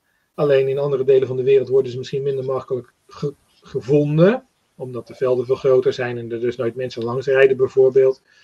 Maar uh, ja, uh, eigenlijk alle landen in de wereld hebben wel eens een graancirkel gehad. als er graan was, maar ook bijvoorbeeld als er bossen zijn, dan was het wel eens zo dat de, de, het hele bos zeg maar, omgelegd was, net als een graancirkel in Engeland, maar dan zeg maar, met bomen. Nou, dat gebeurt ook in ijs, in sneeuw. Dus het heeft heel veel verschillende verschijningsvormen, maar sowieso, Wiltshire is en blijft het belangrijkste punt. Dus nu, laten we zeggen dat we het laatste jaar hadden we 15, 20 graancirkels in Wiltshire. In de rest van de wereld hebben we er dan ook 15 à 20. Ja, en dat is, dat is zoals het werkt, blijkbaar. Oké, interessant. En je had hier een verhaal bij, uh, Roland. Ja, ja, ik weet niet of je de. Er zijn twee foto's van deze graancirkel. En uh, nou, dit haakt dan toch wel weer een klein beetje in op van uh, mensenwerk of niet. Deze graancirkel die lag, die lag daar. En um, ik ben uiteindelijk Samen in die graancirkeltour naar deze graancirkel geweest. Dat was namelijk de enige waar we in konden op dat moment. Uh, en dat was omdat er door het veld loopt ook een, dat noemen ze een public bridle way. En dat is een publiek voetpad. En de boer kan jou niet weigeren om op dat voetpad te lopen. Hij zou jou eventueel wel uit die graancirkel kunnen sturen, maar je mag daar wel zijn, zeg maar. Dat is het publiek domein. Dus wij gingen daar naartoe. En uh, op een gegeven moment komt tijdens die tour komt, uh, een mevrouw naar me toe en die zegt: Joh, ik weet het niet. Ik voel iets geks bij deze graancirkel niet helemaal lekker. Ik zeg, nou, dat is interessant dat je dat zegt. Ik zal jou straks, uh, nee, ik zal straks aan publiek in de bus even vertellen wat, wat het verhaal is. En um, ik ben daar met uh, iemand anders ook nog een keer geweest, die vrouwtje Wijshout, waar ik die lezing mee gegeven heb afgelopen zaterdag. het hele verhaal staat ook in de huidige Paravisie trouwens, dus die kan je ook kopen, dan kan je het helemaal lezen. Oké. Okay. Maar zij zei op een gegeven moment later, toen wij al terug waren, ook weer tegen mij van, joh, uh, wij zijn in die graancirkel daar bij Barbie Castle geweest. Ik weet het niet, daar is iets, het klopt er voor mij niet helemaal. Dus, nou, dat is interessant dat je dat zegt. En wel hierom. Uh, een goede graancirkelvriendin van ons, uh, ene Cathy Mingo, die had deze graancirkel ontdekt op een ochtend. Volgens mij was dat op 17 uh, juli, zondag. En die heeft daar dronefoto's van gemaakt. En zo'n foto zie je hier. En die had ze dus heel vrolijk op Facebook gezet. Vervolgens krijgt ze een berichtje van een van de graancirkelfotografen, die op raadslachtige wijze er altijd als een van de eerste bij is. Um, en die zegt van, joh, zou je die foto's van Facebook af willen halen? Ze zegt, nou, dat dacht ik niet, maar waarom vraag je dat? En toen zei hij, nou, wacht maar, volgende ochtend. En dan weet ik niet of je de volgende foto ook hebt van deze graancirkel. Maar deze nee, fase nee. in twee stadia ontstaan. En in het volgende stadium, stadium zie je dat er een aantal van die plekken, uh, van die driehoeken daar, zijn platgelegd. En dan ziet hij er nog veel mooier uit. Nou, het feit dat deze man natuurlijk wist dat dat volgende stadium eraan zou komen, dat duidt er, nou, dat kan erop duiden, in ieder geval dat hij er meer van wist, dat hij dus blijkbaar contact heeft met degene die die graancirkel hebben gemaakt. En nou, in mijn optiek is er niet veel verschil tussen graancirkels die door mensen zijn gemaakt en graancirkels die door welk fenomeen dan ook zijn gemaakt. Dat fenomeen heeft namelijk altijd te maken met het vormen van een graancirkel. Of het nou mensenwerk is of niet. Want uiteindelijk is de, de, de werking, de optische werking, is hetzelfde. Uh, je ziet in alle graancirkels dat mensen uh, mind-blowing experiences hebben. Dat was hier ook. Maar in dit geval vond ik het wel bijzonder dat er twee mensen naar me toe kwamen die zeiden van ja, ik voel hier iets geks bij. Want dat heb ik namelijk nog niet eerder meegemaakt. Dus blijkbaar is er toch nog wel een soort van idee van nou, uh, dat er in de energie van de graancirkel wel te merken is hoe die nou precies gevormd is. Dat kan. Ja. Ik heb daar verder niet echt bewijs voor. Maar, uh, maar goed, grofweg kunnen we er dus wel, denk ik, van uitgaan, zonder dat ik daar nou echt uh, een definitieve conclusie over trek, dat dit mensenwerk is ik zeg er gelijk bij, ik vind dat niet erg, want uiteindelijk uh, bijvoorbeeld, ik deed een privétour met een aantal uh, Amerikanen en daarmee ben ik naar deze graancirkel geweest. Nou, die mensen die hebben de dag van hun leven gehad. Um, hè, dus voor hun speelde dat geen rol. Ik ben er altijd eerlijk over, hè, dus ik heb aan die bus natuurlijk, ik was van tevoren al van plan om aan die mensen in die bus te vertellen, uh, achteraf, nadat we er geweest waren, van nou, oké, dit is het verhaal erbij en doe ermee wat je zelf wil. Hè, want we gaan er niet over liegen. Als ik weet dat het mensen zijn geweest, ga ik natuurlijk niet zeggen dat het een of ander fenomeen is geweest. Dat, dat, dat zijn dan mensen geweest, dat vind ik prima. En als we daar eerlijk over kunnen zijn, hè, gewoon de kennis delen die we hebben, is er niet zoveel aan de hand.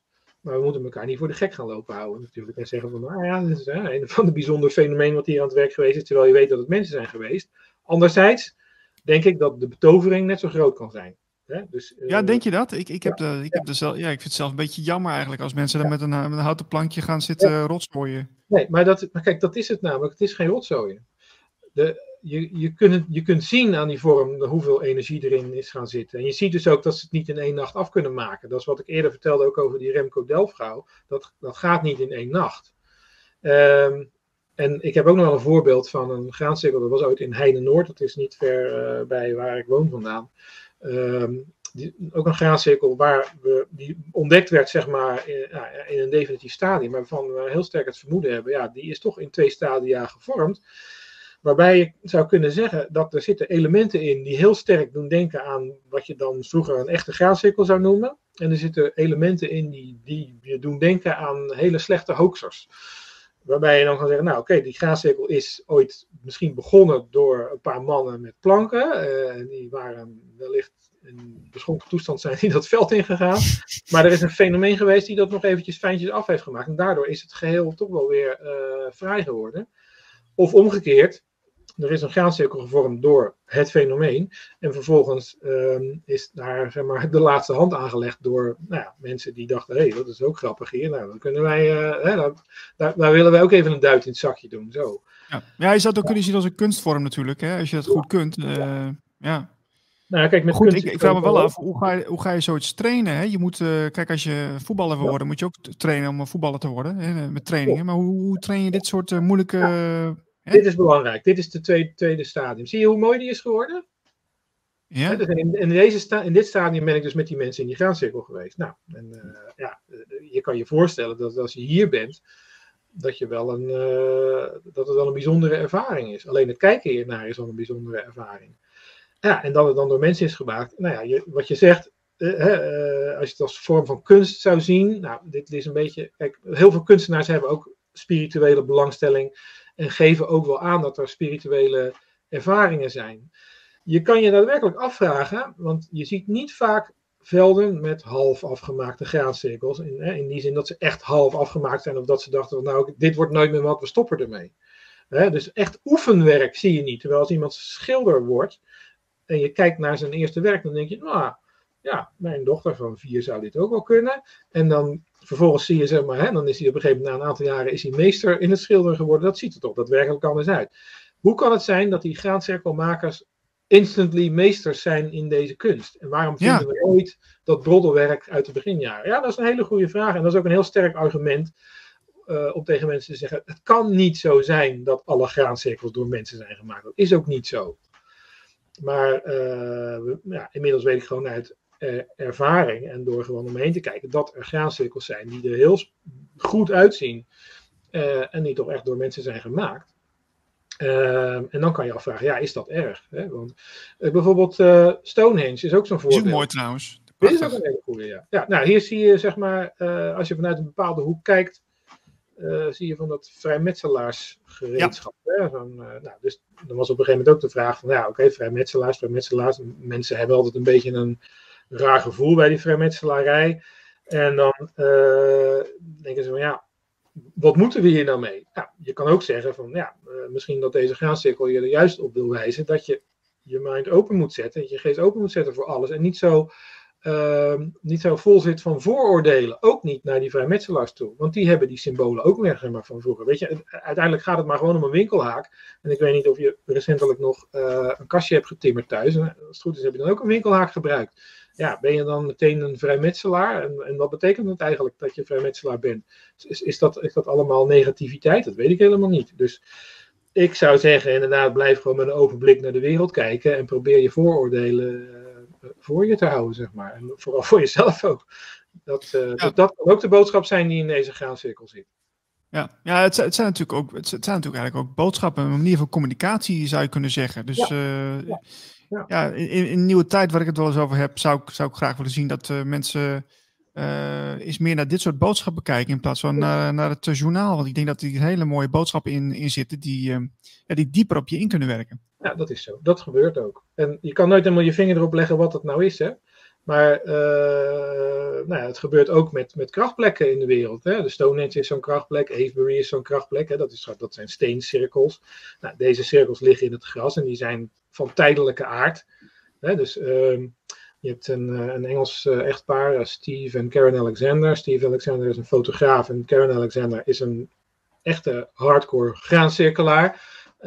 die, die hebben hun bedrijfje Temporary Temples genoemd. Hè. Dit zijn tijdelijke krachtplekken. nou ja, en dat is het ook. Weet je, als je daarheen gaat, dan voel je dezelfde dingen die je ook kunt voelen als je in Stonehenge of in Avery of op een andere krachtplek in de wereld staat. Grote piramide van Cheops, weet ik veel, dat. Ja. Kijk, die twee cirkels die je nu laat zien trouwens, dat zijn ook zeg maar weer een soort gevolgen van manifestatieacties. Deze uh, verbleven de afgelopen zomer in een huis met een aantal graancirkelaars. En uh, op een avond uh, werd de wacht gewisseld. Dus we hadden zeg maar, een huis waar acht mensen in konden slapen. En nou, die samenstelling die veranderde halverwege de week. En de, de, de Leo en José die kwamen erbij en die, uh, nou, die hadden die manifestatieverhalen gehoord. Dus er ontstond een heel gesprek met vijf mensen over dat manifesteren. En het zou toch wel fijn zijn als er morgenochtend ergens in een veld hier vlakbij zo'n graancirkel zou liggen. Weet je wel zo. Nou, dus alle elementen eigenlijk die in het manifestatie traject uh, thuis horen, die kwamen in dat in gesprek ook weer aan zo'n tafel met uh, eten en drinken uh, en vrolijkheid naar voren. en ja, inderdaad, de volgende ochtend, nou nee, niet de volgende ochtend, de volgende middag lag deze graancirkel daar, waarbij het ook weer belangrijk is dat dit ook weer een daytime event was. Dus de graancirkel lag er pas om een uur of vijf middags, terwijl de, voor, de, de uren daarvoor waren er allemaal mensen aan het werk om dat veld heen. En die hebben die graancirkel niet gezien. Terwijl die wow. geweest zou zijn. Dus dat is dan weer zo'n daytime event. En hij heeft vijf armpjes. Dus voor elke lid dat mee heeft gedaan aan die discussie over die te vormen graancirkel was één armpje, weet je wel. Zo, ja. Um, hoe zit het dan met, met manifestatie? Hè? Want je hebt natuurlijk nu best wel veel ervaring daarin, in dat, uh, ja. in dat veld. Um, kijk, maar als je dus gewoon gezellig met elkaar kletst, je, je, je doet een hapje en een drankje, en, en, en ja, dat is dus eigenlijk al manifesteren. Nou ja, kijk, manifestatie en synchroniciteit ligt heel dicht tegen elkaar aan. Um, en je kan natuurlijk zeggen, ja, manifestatie, dat, dat, dat is een soort vaardigheid die je kunt gebruiken in je leven. Hè? En dan kan je afvragen, dan is het, het de neer laten dalen van een graancirkel nou zo belangrijk? Nou ja, zo belangrijk in ieder geval dat uh, deze Leo, die had het nog niet eerder meegemaakt, die was er helemaal vol van. Die, hield ook niet op om daarover te praten, dat was heel vermakelijk. Um, maar goed, als je de vaardigheid eenmaal in je hebt, dan kun je dus daar ook uh, voor je leven wel dingen mee bereiken die, uh, die voor jou van belang kunnen zijn. Dus ja, die uh, vrouwtje die, waar ik die lezing mee heb gegeven afgelopen zaterdag, die speelt, die is afgestudeerd van het conservatorium, die speelt harp, klarinet, concertvleugel, weet, weet ik veel allemaal. En um, haar hele verhaal van het komen naar Engeland deze zomer en hoe alles verliep in die reis, dat was één grote vorm van manifestatie, keer op keer weer. Die graancirkel die je net liet zien uh, hiervoor, uh, was er ook een voorbeeld van. Dus uh, zij wilde natuurlijk heel graag een graancirkel hebben waar ze een harpconcertje in kon geven. Dus, dus uiteindelijk is een soort gemeenschappelijk manifestatieverhaal op gang gekomen. Wat natuurlijk begon inderdaad met een gesprek aan tafel, zoals dat nu al net al omschreef. Maar ook um, gecombineerd met die Night of Crop Circling, die dan uh, vooraf ging aan het vormen van deze graancirkel. In die Night of Crop Circling, waar gewoon zeg maar 100, ruim 100 mensen zitten te kijken naar die lezingen. In die lezing, lezingen komen uh, vormen voor die je hier in het veld ziet liggen. Dus die, die ringen. Uh, in twee lezingen zit, zeg, zit zeg maar heel sterk die vorm, die drie lichamen met die ringen. En, en, um, en wat er vervolgens nog gebeurde. Deze vrouwtje rijdt met twee andere graancirkelaars naar huis na de lezing.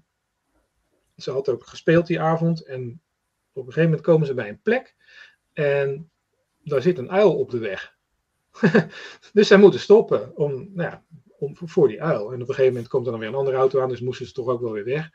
En later bleek dat ook andere mensen op diezelfde plek hadden moeten stoppen voor die uil. En zij zeiden in de auto natuurlijk al tegen elkaar van, oké, dat kan natuurlijk niet missen, morgen ligt hier een graancirkel. En uh, inderdaad, de volgende ochtend lag deze graancirkel daar. En uh, nou, zij zijn naar dat veld toe gegaan en uh, ze, zijn, ze heeft daar inderdaad nog eventjes harp gespeeld. En vervolgens werden ze door de boerin uit het veld gejaagd met uh, tamelijk grof taalgebruik. maar goed, uiteindelijk zien we dus een soort connectie tussen wat er op die avond is gebeurd, die, die Night of Crop Circling. Al die mensen die natuurlijk gezamenlijk hebben zitten kijken naar en denken over die graancirkel. Ehm, over, die, ja, over die vormen, zeg maar, die je hier terugziet. Uh, je, je, je verbindt je dus inderdaad gewoon als groep met het fenomeen en dan gebeurt er dit. En dan over die uilen. Eh, later bleken dus inderdaad nog meer mensen ervaring te hebben met die uilen. En wat mij gebeurde hierna, ik ben niet eens in die graancirkel geweest, want dat kon niet meer. Want toen die boer hun daar eenmaal uit had gejaagd, was dat voor mij afgesloten, die weg. Maar ik kwam ineens overal kwam ik die uilen tegen. Dus uh, ik ging zeg maar uh, op een gegeven moment nog een paar dagen kamperen. En ik had van tevoren niks gereserveerd. En um, op een ik realiseerde me pas toen ik het terrein opreed. Dat ik was op de Little Owls campsite. Ik denk shit, weer die uilen. Oké, nou ja, goed. Verder geen gedachten aan gewijd. Ik was daar nog een paar dagen en ik loop in een plaatsje Hungerford langs een huis en ik kijk naar boven. Nou, er zitten drie vogels op. De middelste is een uil. Een, een, een, een beeldhouwwerk van een uil, maar goed, toch, een uil. Oké, ik had ook niet naar boven kunnen kijken. Ik had ook niet naar Hangover kunnen gaan. Ik had ook niet kunnen gaan lopen hier. Weet je, iets dreef mij om daar even een wandelingetje te maken. Nou, oké, dat was geen noodzaak. Um, nog weer een dag later ga ik uh, ergens boodschappen doen. En ik parkeer mijn auto voor een huis. En ik stap uit en ik kijk naar de voordeur van het huis. Daar stond ook de Owl's Pen boven de deur. Ik denk, oké. ik had ook aan de andere kant van het parkeerterrein kunnen gaan staan. Hè? Of uh, ik had ook boodschappen kunnen gaan doen in een ander plaatsje. Nou, fijn. Het laatste was dat ik uh, naar de boot reed in Dover. En ik vervolgens een bordje staan, exit. En bij het woord exit staat een afbeelding van een uil. En ik denk, hè, mm. Waarom staat hier een afbeelding van een uil? Wat heeft het in godsnaam met exit te maken? En waarom in deze haven? Er zijn hier geen uilen. Nou, oké. Okay, dus dat soort dat zijn allemaal van die synchroniciteiten. Uh, en, en zeg maar, nadat ik de boot op ging en, en, zeg maar weer op het vasteland was, is dat ook niet meer gebeurd.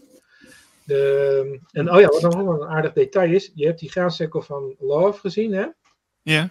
Uh, die uh, vrouwtje die vroeg mij op een gegeven moment in de week voordat we in Engeland waren, van joh, um, we hebben het wel eens over zo'n graancirkelconcertje met de harp gehad.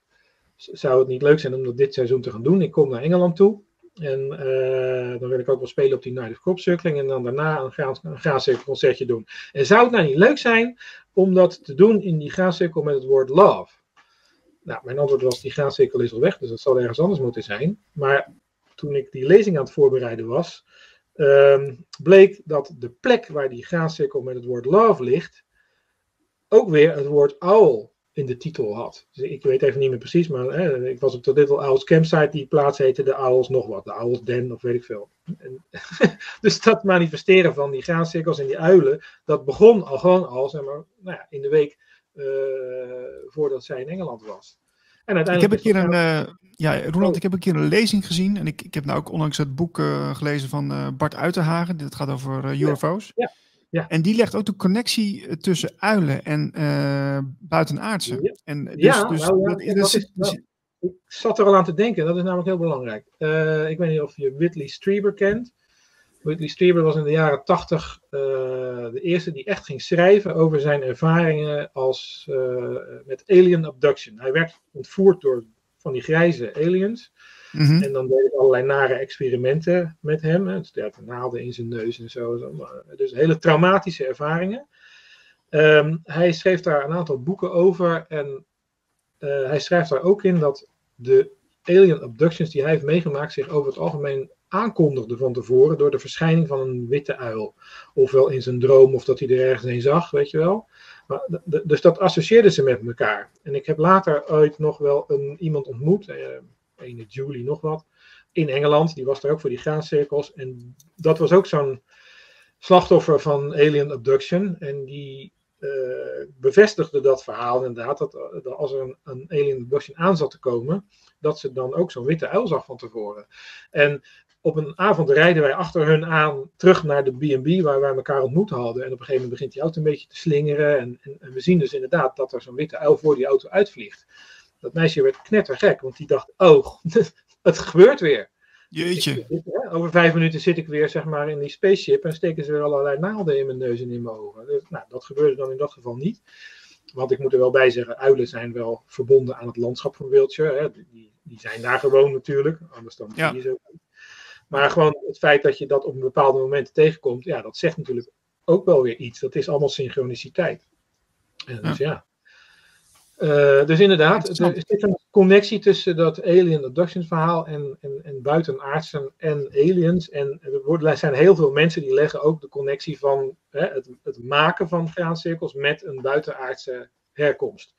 Ik weet niet precies wat ik daarvan moet vinden. Het is gewoon een van de opties uh, die mogelijk zijn. Ik denk dat het fenomeen een heel instrumentarium heeft van het maken van graancirkels. En buitenaardse herkomst is er een van hoaxers met planken is er een van. Krachten die vanuit de aarde komen uh, is er een van. Weet je wel, allemaal verschillende mogelijkheden om graancirkels in die velden te leggen. Ja, ja dit is ook een hele mooie. Dit was de afsluiter van het seizoen eigenlijk. De laatste mooie graancirkel in Wiltshire. Ook weer bij Edgell Hampton Hill in datzelfde veld. In een andere hoek weliswaar. Waar in 2018 die, uh, die uh, Third Eye Monkey lag. Dus ja, ook weer zo'n synchroniciteitje met Nancy de belevingswereld in dit geval. Ja. Gaaf hoor. Uh, wat, wat, uh, Marlijn, wat, wat ben je stil? Heb je nog wat... Uh... Ja, lijkt of was je even helemaal... nee, ik zit te luisteren en ik zit de plaatjes te bedienen. En, dus, nee, ik zat nog een beetje af te vragen ook, want met de aliens, dat, je hoort ook vaak verhalen dat mensen dan hun, hunzelf eigenlijk ontmoeten, maar dan in een alien soortachtige vorm. Dus dat, wat ontmoeten? Jij bent eigenlijk die alien die je dan uh, ontmoet. Oh ja, zo, uh, ja. Dus je zou kunnen zeggen, als je dus wil manifesteren, een graancirkel of zo, dat je contact dus maakt met uh, die andere versie van jezelf, die buitenaardse versie. En die versie ja. gaat dan voor jou aan de slag om ja. die graancirkel te maken.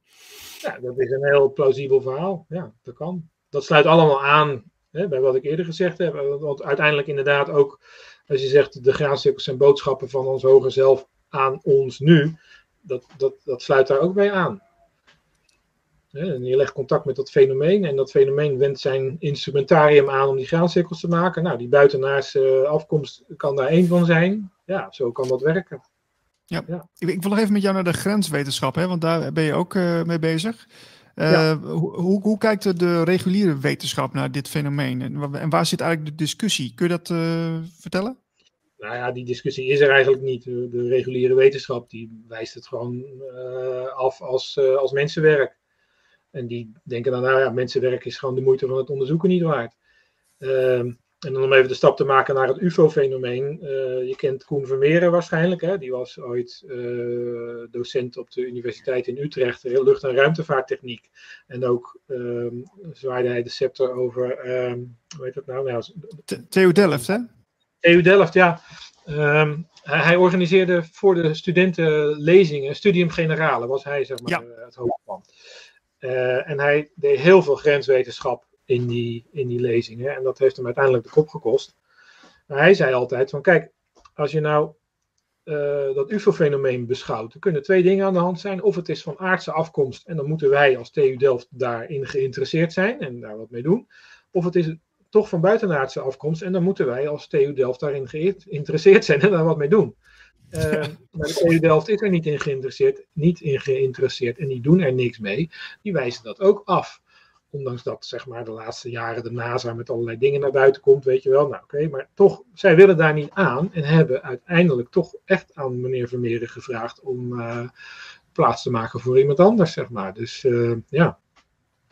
En dat geldt natuurlijk ook voor allerlei vormen van grenswetenschap. Ook zeg maar wat er is gebeurd op 9-11. Daar, daar besteedt Koen ook heel veel aandacht aan. Die heeft dat goed onderzocht. Uh, er zijn talloze, duizenden ingenieurs over de wereld, die hebben zich ook verenigd hè, in uh, een soort platform voor 9-11 Truth. En die, die, die hebben gewoon allemaal hele steekhoudende argumenten om aan te tonen dat wat daar gebeurd is, dat dat, nou ja, hè, uh, laten we gewoon kort door de bocht zijn en zeggen dat was een inside job. Hè, dus wat er, die gebouwen die zijn ingestort, dat is allemaal controlled demolition. Nou, dat, dat is eigenlijk onomstotelijk staat dat vast. Alleen het feit al dat uh, een van die gebouwen, het derde gebouw, waar, waar weinig mensen wat van weten, dat ook is ingestort, dat nummer 7.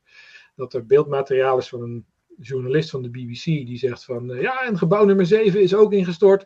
Hey, op de achtergrond staat het gewoon nog, hè? dus zoals ik te vroeg. ja, uh, geeft verder niet, hè? maar het is allemaal wel in scène gezet, zeg maar.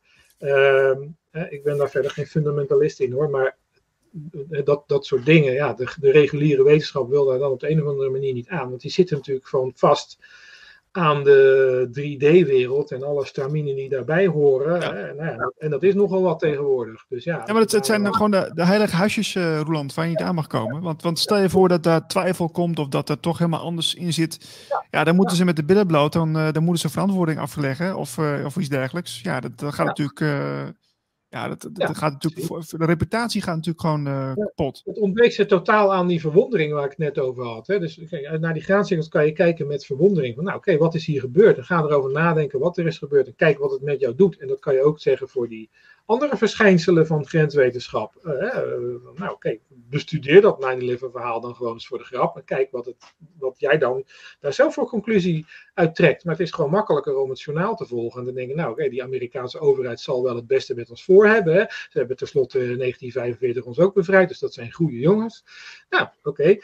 Eh, maar het ontbreekt in de wetenschap echt aan, aan verwondering en de zin om, om nieuwe gebieden te betreden op dit moment. Ja, en dat komt natuurlijk toch ook omdat er, eh, ja, de, de wereld zit vast.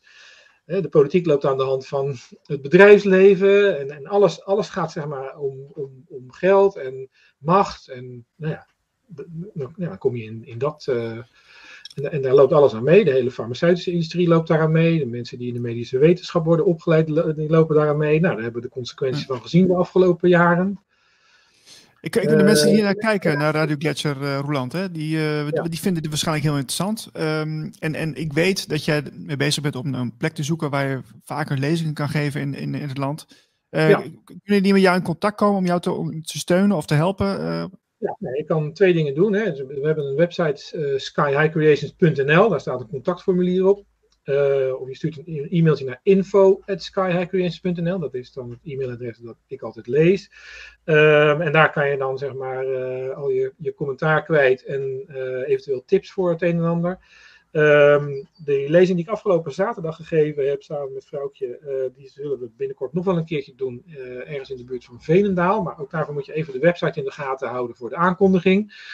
Je kunt ook op de mailinglijst komen te staan. Dan kom je op de mailinglijst zowel van Sky High Creations als van Infinite Source Creations. En dan krijg je zeg maar de, alle evenementen die we organiseren. Bijvoorbeeld morgenavond hebben we een lezing van Marcus Allen. Dat is de eigenaar van, of de, eigen- de uitgever van Nexus Magazine. Dat is een wereldwijd magazine over spiritualiteit en grenswetenschap.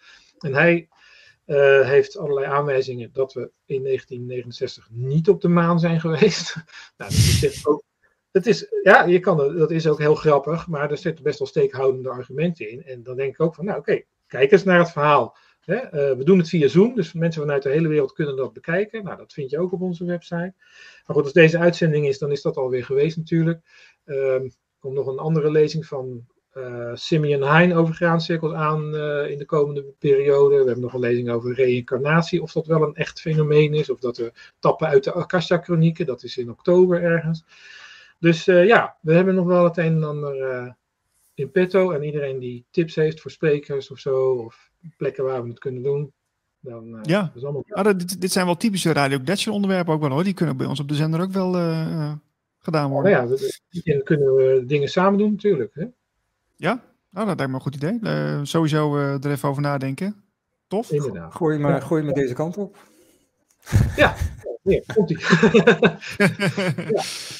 Eh, even zien, eh, w- wanneer, eh, wat is de eerstvolgende lezing eh, die we kunnen verwachten bij jullie? Eh, ik moet even nadenken. Nou ja, goed, dus dat is dan zeg maar. Nee, dit komt de zondag voor iedereen online, hè? Dus, eh, Ja, ja, dus Ja, ja. Ja, ik had het net even over woensdag, maar dat is dan inmiddels een eh, gepasseerd station. Nee, de eerste fysieke lezing ehm, die zal zijn denk ik op 22 oktober. En dat is dan van Peter den Haring. En die gaat praten over reïncarnatie. Of dat dan een, eh, een, een, waarachtig fenomeen is. Ik denk het wel. Ehm, of dat we zeg maar uit de Akasha-chronieken tappen. Kijk, wat natuurlijk vaak gebeurt is dat mensen zeggen, nou, ik ben Jeanne d'Arc geweest, of ik ben Napoleon geweest, maar we zijn nooit eh, straatmuzikant geweest, of, eh, nou ja, nou vind ik een slecht voorbeeld trouwens, maar, hè, of vuilnisman. Of zwerver Nee. of zo? Maar goed, er zijn ook mensen die daadwerkelijk herinneringen hebben aan levens als Joan of Arc en Napoleon en zo. Nou, dan, dan kan het wel heel goed zijn dat die herinneringen uit het collectief komen. Die Akasha chronieken, dat is zeg maar de collectieve herinnering van hè, de, de geestelijke wereld. En alle evenementen die mensen meemaken die op aarde rondlopen, die komen daarin terecht. Hè, dus het is heel goed mogelijk dat als jij droomt over een leven als Joan of Arc, dat je dat uit die Akasha-chronieken haalt.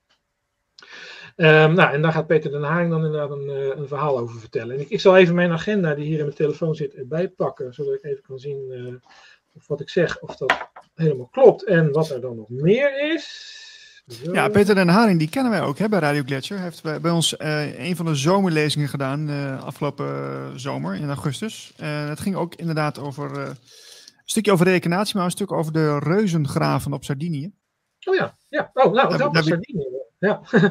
ja. Nou, ik denk ineens aan, aan een vrouwtje weer die een na Engeland nog een weekje naar Sardinië is geweest. En daar zeg maar ook weer zo'n mind-blowing experience heeft gehad van allerlei uh, manifestaties en, en, concerten op, op magische plekken en zo. Dus maar goed, dat is dan zeg maar mijn... Vrouwtje, moet, vrouwtje moet ook maar eens een keer aanschuiven, denk ik. Dat zou ik wel doen, want maar, die legt dan zeg maar, ook de connectie met de muziek. Hè. Die heeft dat graancirkelconcert gegeven in een van die graancirkels. Die graancirkel met dat vrijmetselaarswerktuig erin. Dat was toevallig ah. gewoon de, de plek waar het moest gebeuren. Hè, dat viel allemaal zo uh, op zijn plek. En zij zei ook van toen ik uh, zeg maar, speelde, klonk voor mij de muziek anders, intenser en uh, mooier.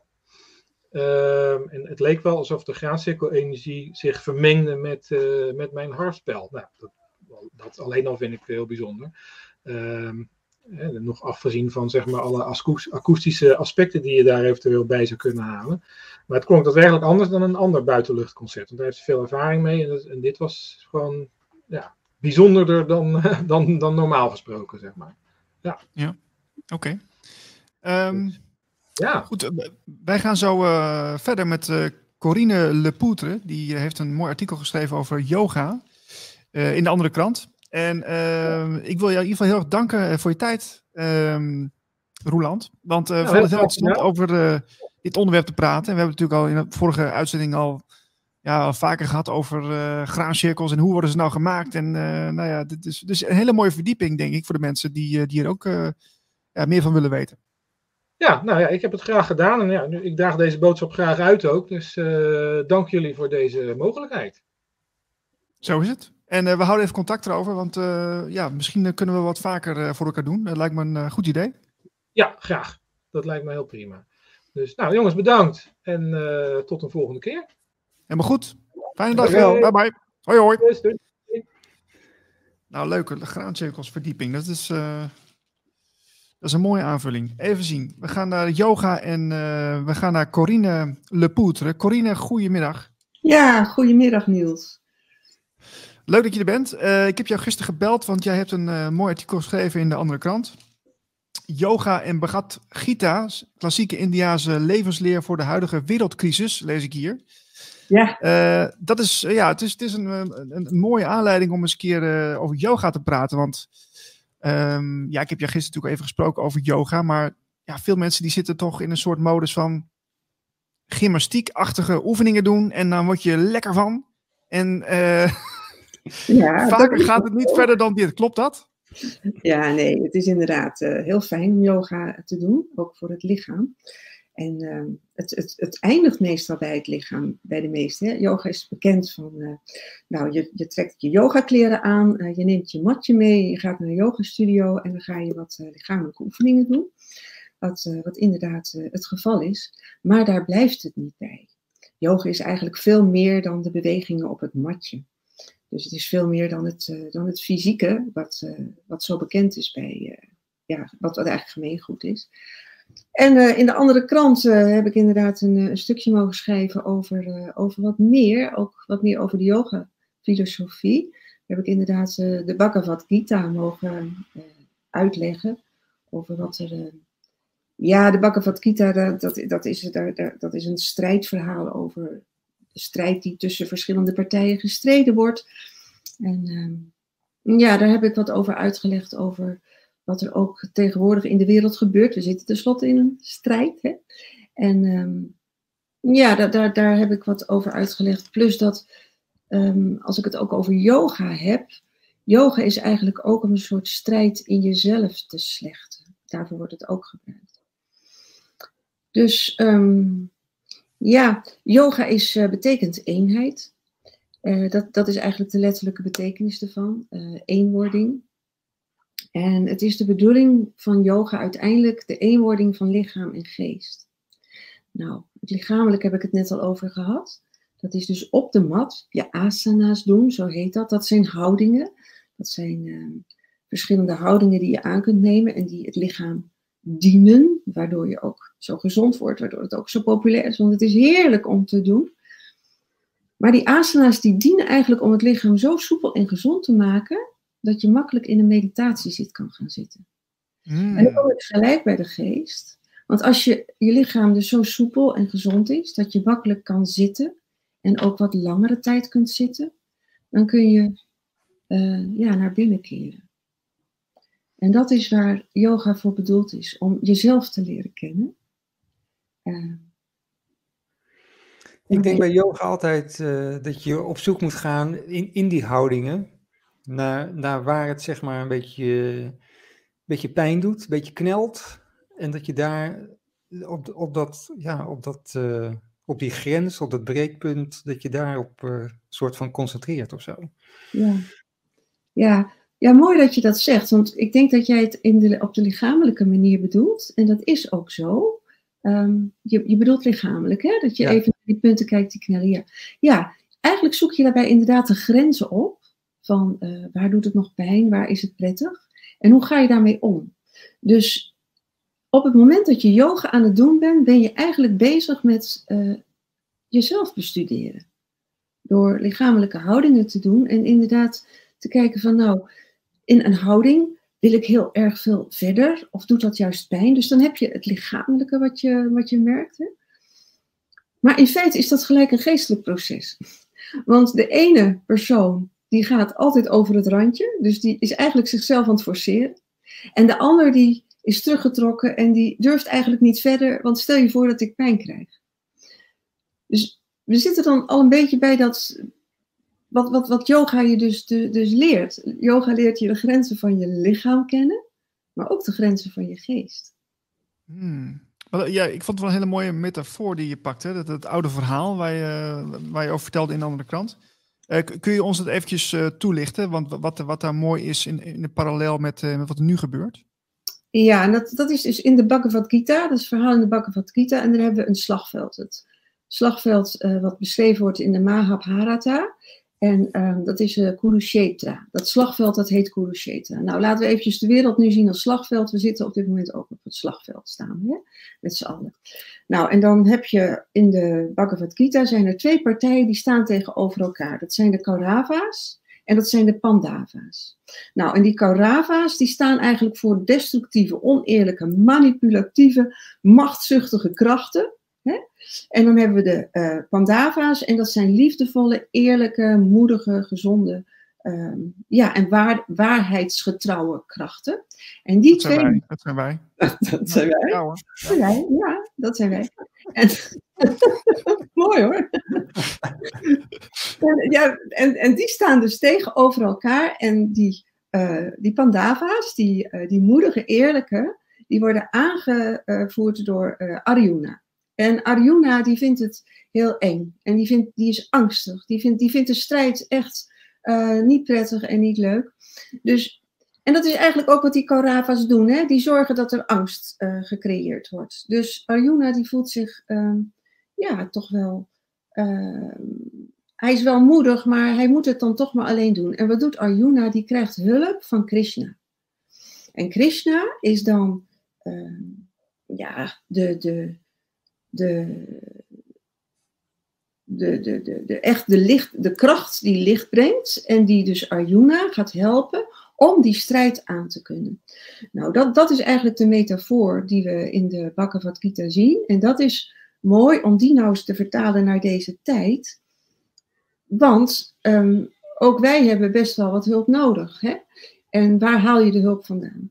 Nou, Arjuna die krijgt hulp van Krishna en die laat Krishna ook toe om dat te doen. En Krishna die helpt Arjuna om een heldere blik te krijgen, of inzicht te krijgen in de situatie die er is. Want dat is wat we nodig hebben. We hebben inzicht nodig.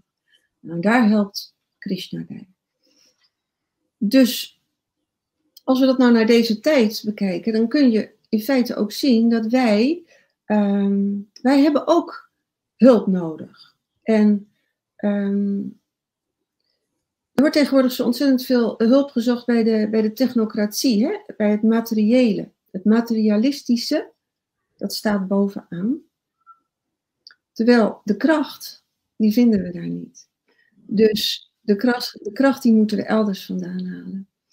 En dat halen we dus uit het, uh, het alomtegenwoordige, het al, het spirituele. Dat wat ons mens maakt. Ja, ja maar en, jij hebt, je hebt het over hulp, hè? Want ik zie het zelf ook, ik, ik snap wat je zegt. Alleen um, bij hulp denk ik ook heel snel aan um, dat het uh, voor je gedaan wordt. En, en, uiteindelijk is het natuurlijk wel zo dat wij als mensen, het is goed dat je informatie krijgt en dat je daar wat mee doet. Dat je, dat je het omzet in, in, in ander gedrag en daarna gaat leven.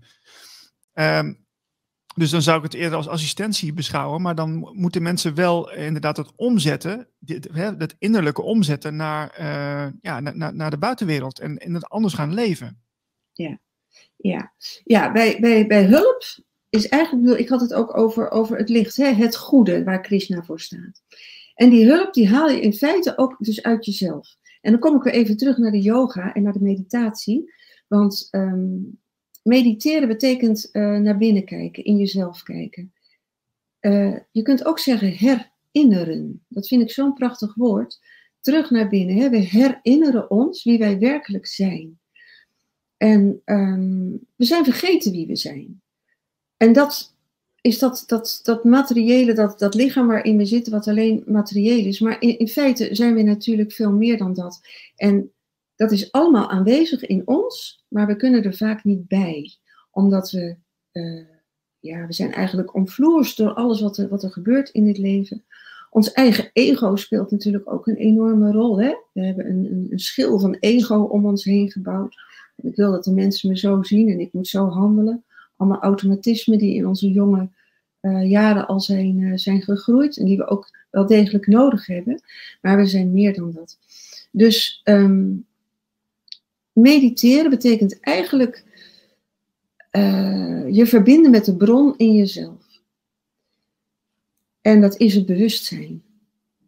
En het be bewustzijn zit niet alleen in jou, maar het bewustzijn is overal om ons heen. Dus het is contact maken met de, de bron in jezelf, met het bewustzijn, met het hogere bewustzijn. Nou, dan kom je ook bij, uh, bij Krishna. En dan kom ik weer terug op het woord eenheid. Ik hoop dat het allemaal nog te volgen is. Ja, nee, ik, ik volg het. is alles dus, dus één. Wij zijn één met het grote licht, met het al. En we zijn dat vergeten. Dat lichaam van ons is gewoon ons, uh, ja, ons kostuum. Dat hebben we aan. Ja, en, en, en het verhaal wat je in de andere kranten schrijft, loopt het uiteindelijk goed af? Uh, uiteindelijk, uiteindelijk loopt alles goed af. Dat is, dat is het heerlijke. Gelukkig ja, het komt allemaal goed, maar we zitten wel nu in de strijd en dat is even wat, uh, wat heftig. Je zou eigenlijk zeggen van we moeten allemaal gewoon meer voelen, hè? Maar mm. uh, ja, wat wij nu doen op dit moment, kijk, ik luister naar jou en ik hoor de woorden en het is allemaal, hè, het gebeurt, er gebeurt allemaal uh, intellectueel allemaal dingen. Dus ik zit niet helemaal in mijn lichaam op dit moment. Dus de, je, je moet je echt zelf weer, jezelf weer trainen om, om steeds maar weer contact te maken ermee. Ja, we, ja, we hebben allemaal gevoelentjes, en, uh, maar het zijn allemaal oppervlakkige dingen. Als je je, je teen stoot of zo, of uh, het is een beetje koud, of het is een beetje te warm. Maar dat is allemaal oppervlakkig. Je moet eigenlijk veel dieper naar, naar een dieper gevoel toe. Ja, maar je, je lichaam is het instrument. Ja, ja. Ja, we hebben het nu inderdaad over wat ons fysiek kan overkomen, wat die zintuigen inderdaad kunnen voelen. Die kunnen pijn voelen, die kunnen kou voelen, warmte. Hè? Um, we, we, nemen waar met onze zintuigen, dat klopt. En um, gek genoeg zijn die zintuigen toch een poort naar het bewustzijn. Want die zintuigen die brengen je in het nu. Dus als je je nou ja, nu stoot je je teen niet, maar je zegt van, je luistert nu. Dus, dus, dus daarmee ben je in het nu. Um, nou, als jullie het leuk vinden, kunnen we best even een, een meditatietje doen van twee minuten. nou, dat, dat, dat, dat, zou ik leuk vinden. Ja. ja het vindt Niels altijd leuk. Ik altijd leuk. Even wat doen. Ik zit het veel te veel gewoon weer eh, te luisteren. Ik, ik wil even wat doen. Nou ja, oké. Ja, ik, eh, ik gebruik even een, eh, een meditatie eh, om de zintuigen en eh, om, om, om even te komen naar het lichaam. En ja, je kunt je ogen sluiten, maar je mag ze ook op een punt voor je even fixeren. En eh, ja, voel even goed dat je zit. Dus voel de aanraking van je, van je lichaam met de stoel en je voeten op de grond.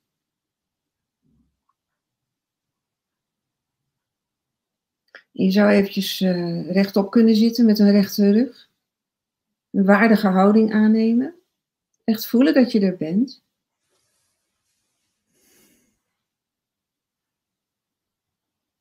En dan mag je even met je aandacht naar de adem.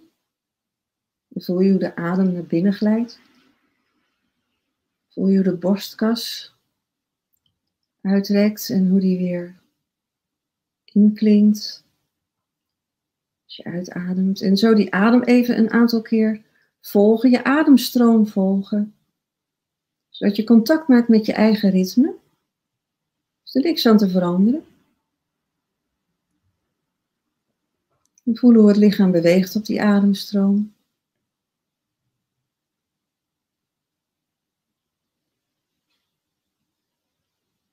En dan mag je even je aandacht van de ademstroom verplaatsen naar de geluiden die je hoort. Jullie zitten misschien in een studio of afgesloten ruimte en je hoort mijn stem. Maar wellicht hoor je ook andere geluiden om je heen.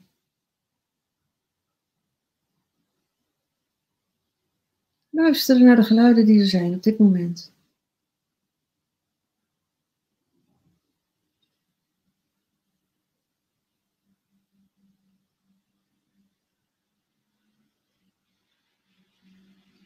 Het kan zijn dat je een geluid hoort wat aanhoudt. Of ze nu en dan uit een hoek een geluid waarneemt.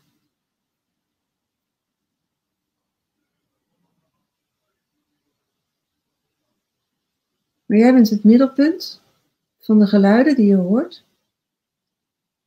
en die je waarneemt.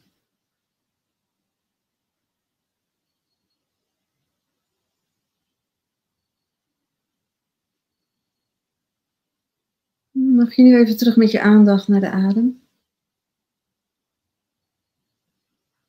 Bij een inademing eens even voelen waar de adem precies de neus naar binnen komt.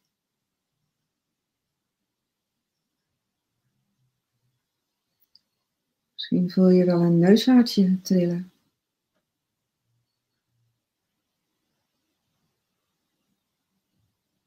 En de uitademing.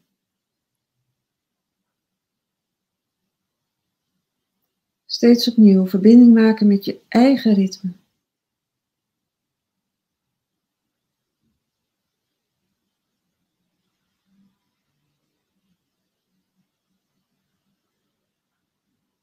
Dan mag je nu rustig eens even je voeten bewegen. Je handen bewegen. Je ogen openen als je ze dicht had. En terugkomen naar het scherm.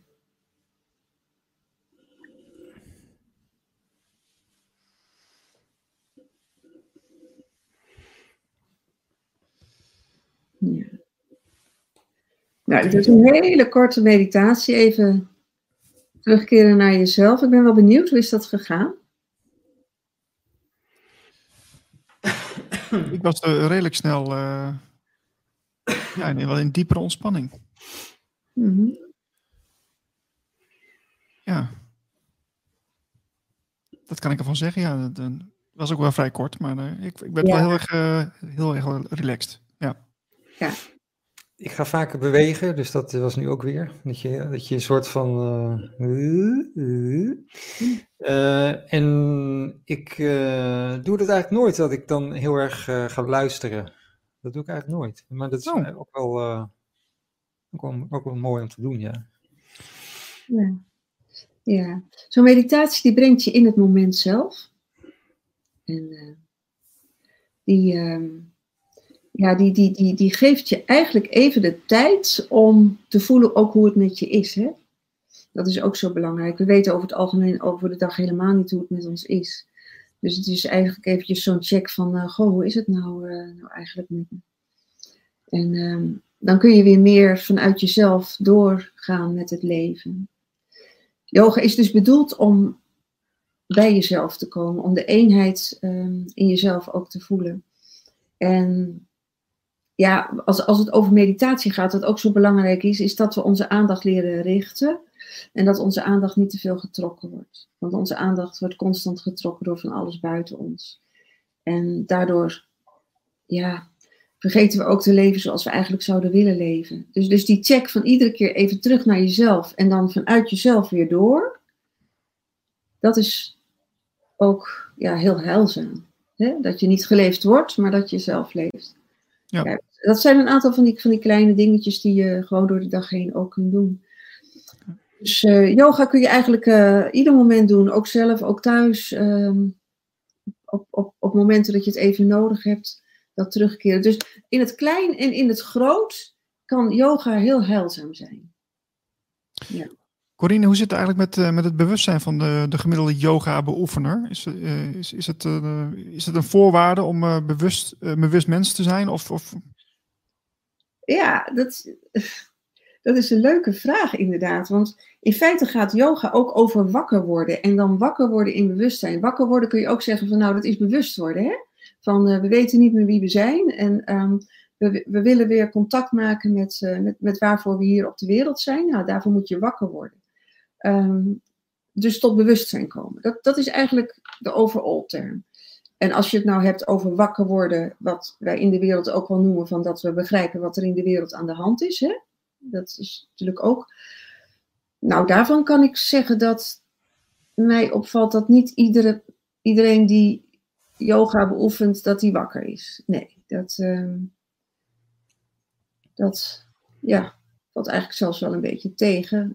Dat, dat, dat zou een oordeel kunnen zijn. Maar het valt mij op dat het wakker worden, het echt overzicht hebben over de, over de wereldsituatie, dat, um, dat heeft niet iedere yoga. Nee. nee. Maar dat, dat zie je ook wel bij meerdere spirituele stromingen. Hè? Die, hè, die, die hebben een soort ja, uh, leer of die hebben een soort uh, methodiek of, of, of uh, oefeningen, ge geef maar een naam. En, en dat, is, dat, is dan, dat kun je ook op een bepaalde manier invullen zonder dat je dus uh, de diepere vragen of de diepere, naar diepere antwoorden zoekt. En dan is het eigenlijk een soort van uh, ja, moderne gymnastiek of een moderne ja, uh, hobby, zou je kunnen zeggen. Dan, dan kan het heel gelaagd zijn, maar ja, dan is voor een hele grote groep nog steeds niet. ja. De, de, hoe zou ik het zeggen? dat, dat, ze, dat ze doorgronden. Ja. Maar ja, Marlijn, help eens eventjes. Je weet wel, je weet ja, het schiet eigenlijk... Je zegt ook nooit wat, hè? ja, je slaat er een afslag in en dan... Uh, ja, ja, ja. Opeens raak je verdwaald. Opeens kom je ja. een, uh, een graadcirkel tegen. Hmm. Maar is dat wat je bedoelt? Dat, dat dat eigenlijk dan toch het doel voorbij schiet? Ik, in mij komt op eigenlijk een soort van vernauwd bewustzijn. Dus wel bewustzijn, maar ergens toch vernauwd. Dus, dus, dus over, over, afslag, over afslag gesproken, toch, toch een afslag missen. Of zo. Ja, ja. ja precies. Dat bedoel ik. Ja, ja, ja. ja, nee. Je hebt, Corine, je hebt ook programma's gemaakt voor de publieke omroep. In het verleden, ja. Dat klopt. Wat, wat is daar aan de hand daar? Ja, nou ja. Oeh. Die vraag is te groot hoor. Jongen, jongen. Ja, um, ik weet het niet. Ik weet het wel, ik weet het niet. Ah, je weet je wel. Kom nou toch. Ja, ik, nou, weet, weet je, het, eh, over vernauwd bewustzijn gesproken. Ik denk dat dat daar uh, toch wel aan de hand is, ja. Bepaalde dingen niet, uh, niet willen zien, de diepte niet ingaan. Um, of, of niet in mogen. I don't know. Um, in ieder geval, het is niet meer waarbij ik mee thuis voel. Dat moet ik wel zeggen. Was dat, was dat toen ook al een soort uh, cultuur die daar heerste, dat je dacht uh, van... Nee, is mij destijds niet opgevallen. Zeker niet. Nee. Nee, dat is, daar is verandering. De, ik, ja, eigenlijk, de laatste twee jaar zie ik die verandering heel sterk natuurlijk. Hè? Dat met het, ehm, met het eh, komen van die coronacrisis en de verslaggeving daarover. Ehm, daarvoor was ook natuurlijk niet, eh, niet alles helemaal koek en ei. Maar het is, het is wel, ik, vind het, ik vind het heel treurig dat uh, journalisten niet meer in staat zijn of niet meer ehm, ja, de diepte ingaan en de antwoorden proberen boven tafel te halen die we toch allemaal zo nodig hebben. Ja, nee, en de vraag is natuurlijk ook een beetje die daaronder ligt, vind ik. Van, is het dan cultuur hè, dat zo is ontstaan of is, is het bewust achterhouden of bewust niet toelaten van bepaalde informatie? Ja, dat vind ik dus heel moeilijk om daar een antwoord op te geven, want ik zit niet meer bij die publieke omroep. Ehm, ja, ik, schrijf voor de andere krant, dus dat, dat, dat, dat zegt wel iets. Kijk, de andere krant, dat is natuurlijk een onafhankelijke krant. Hè? En de omroepen zijn niet onafhankelijk. Net zoals de andere media in Nederland niet meer onafhankelijk zijn. En dat betekent dat er een, uh, ja, een deken overheen ligt. En ik kan daar de vingers niet op leggen wat daar precies aan de hand is. Dat, uh, dat zou ik niet durven doen. Maar ik constateer het wel, dat het zo is. Ja. Ik heb trouwens, uh, nou, misschien is dat wel leuk om even te laten zien. Kan dat, uh, Marlijn? Ik heb jou op uh, Twitter heb ik jou een berichtje doorgestuurd met een kort filmpje. En om even te laten zien van hoe de nieuwe media ja, nou, nu te werk gaat. Ik bedoel, ja. Okay. Is, is het, kun je hem vinden, Marlijn? Of is dat. Wat? Nee, dat is toch niet leuk? Is dat niet leuk? ik vond. Nou ja, goed dan niet. Er was een filmpje, dat zat iemand was aan het filmen bij een soort uh, demonstratie of zo. En, maar hij had, had, een pop van een, van een vogel, had hij. En die hield hij voor de camera. En uh, het, is, het was een soort poppenspel. En dan gaf hij commentaar op wat er allemaal gebeurde en zo. Ja. Ja, dat vond jij heel leuk. ik dacht, wat zit ik nou te kijken, weet je wel? Dat is toch ook wel bijzonder. Ik bedoel, uh, ja... Ik, ja, goed, het is, dat, dat hij het belachelijk maakt met zoiets, dat vind ik ook wel weer geestig. Maar, uh, maar ja, het, het, komt wel heel erg uit, ver uit elkaar te liggen, die nieuwe media en die oude media. Dat, dat, dat, is, ja. misschien, dat is misschien wel even tekenend, uh, maar goed. Ja. Als je het niet uh, erbij kunt halen, laat maar zitten hoor, dan doen we het niet. Maar... We doen het zo wel even voor de donateurs. Oké, okay, oké, okay, ja. Ja. Maar wat, wat, wat zie je, wat, wat is het ja, wat, wat is volgens jou dan het grote verschil, behalve dan die informatie? Want ik vind ook wel ja, dan ga ik proeven. Maar wat, wat, wat nou ja, even, even terug naar de bakken, bakken van Kita. Naar die, die, die metafoor die we net, ge, net gehoord hebben. Uh, ja, dat, dat, die, die staan onder invloed van die Corava's, wat mij betreft.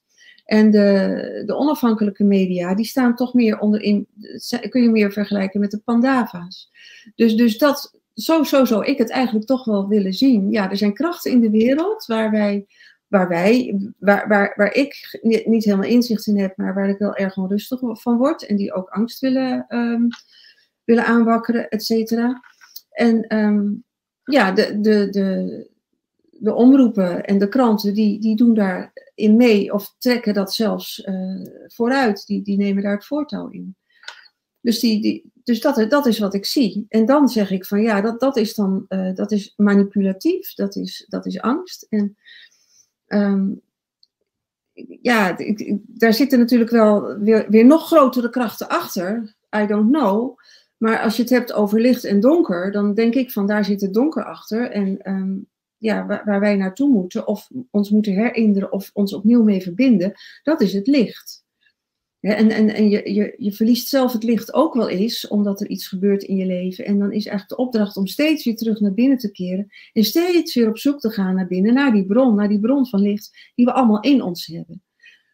En um, als, als wij ons dan verzamelen in eenheid, hè, dus, dus mensen die, die ook op zoek zijn daarnaar. En als, als we ons dan, uh, ja, als, als we ons dan samen sterk maken, dan staan wij als een heel strijdvaardig leger uh, tegenover die andere krachten. En dan ben ik, ik ben ervan overtuigd dat het licht wint. Dus dat. Uh... Ja.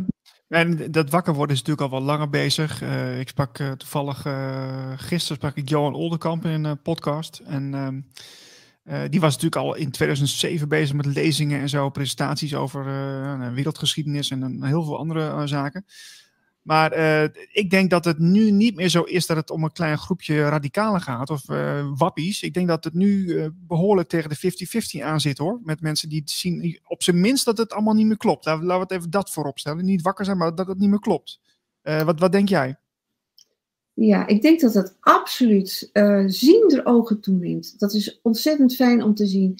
Um, maar er is moed voor nodig. Iedereen die daar, um, die, die, wat, die wakker wordt, zou ik maar zeggen, die heeft zoveel moed nodig. Want het is zo moeilijk om aan te zien wat er gaande is. Om daarachter te kijken, dat je het eigenlijk niet kunt geloven. Mm-hmm. En um, daarnaast is het zo dat je ook snel wordt aangevallen als je dat doet. Omdat een andere mening niet wordt, uh, wordt geduld. Dus er is op, op tweeërlei fronten moed nodig. Het, het met jezelf aangaan dat je, ja, dat, dat het is zoals het is. En dat, dat kost heel veel pijn en verdriet. Dus dat, dat is, daarvoor heb je moed en kracht nodig. En aan de andere kant de moed en de kracht om je uit te spreken. Dus dat, er wordt wel wat gevraagd. Maar we worden gedragen door dat licht. Want daar, even terug naar de Bhagavad Gita. Krishna helpt ons. Hè? Dus eh, eh, even dan terug naar die metafoor, maar dat kun je ook zeggen van ja, uh, de bron, het, het al, we worden geholpen. En wat ik dan ook wil zeggen, um, kijk, het leven is een mysterie, het is mystiek, het, het is niet materie. We kunnen niet alles technologisch oplossen. Er zijn dingen waar wij niet weten. En, en, en daarmee contact maken. Dat, de, de overgave eigenlijk aan het leven zelf. Um, in plaats van alles willen controleren. Mooi gezegd, uh, Corine. Hoe, kunnen we jou, uh, hoe en waar kunnen we jou verder volgen? Um, ik heb uh, de mindfulacademy.nl. Dat is een, ik, ik, ben mindful coach en mindfulness trainer naast dat ik publiceer.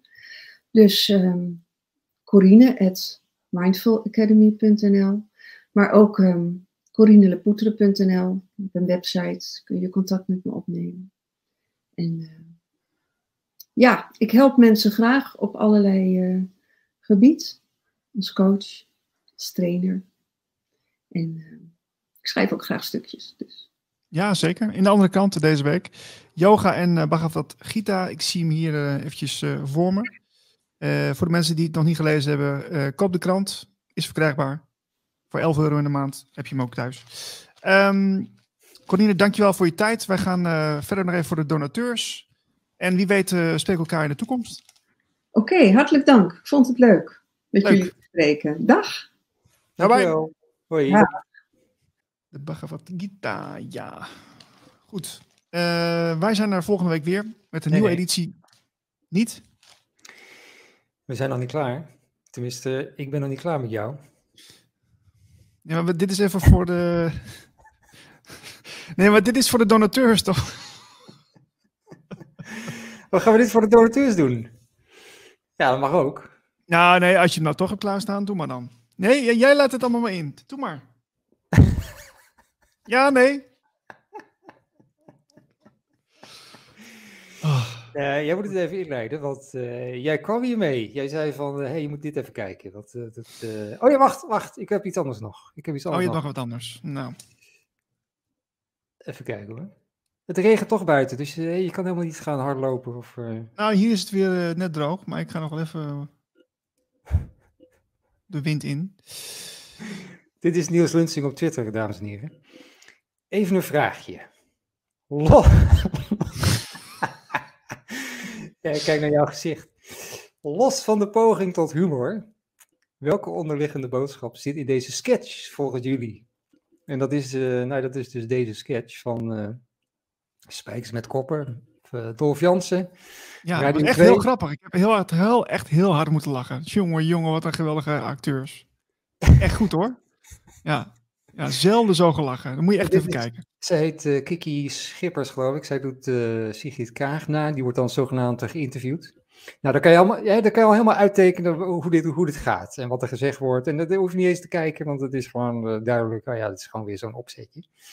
Maar wat, uh, wat vond je ervan, Niels? nou, ik, vond het, uh, ik vind het interessant. Nee, nee, ik vind het echt interessant. Ik vind het interessant om te kijken uh, hoe ze dit doen. Want wat ze doen, in mijn beleving, is ehm, de mensen die dus voornamelijk mainstream media kijken en verder geen informatie tot zich nemen, weer bespelen en zo uh, um, laten denken dat mensen die iets anders beweren, wat er gebeurt in de politiek en wereldpolitiek en de geopolitiek enzovoort, ja, dat die mensen toch echt een steekje los hebben. En dat, hoe komen ze erbij met, met hoe, komen ze er nou bij dat er een, een clubje is die anderen aanstuurt van bovenaf voor met heel veel geld en reptilians en, en, en, dat soort dingen en nog een paar rare fratsen erbij. Hoe komen ze daar nou bij? En wat zij doen is heel bewust die mensen demoniseren.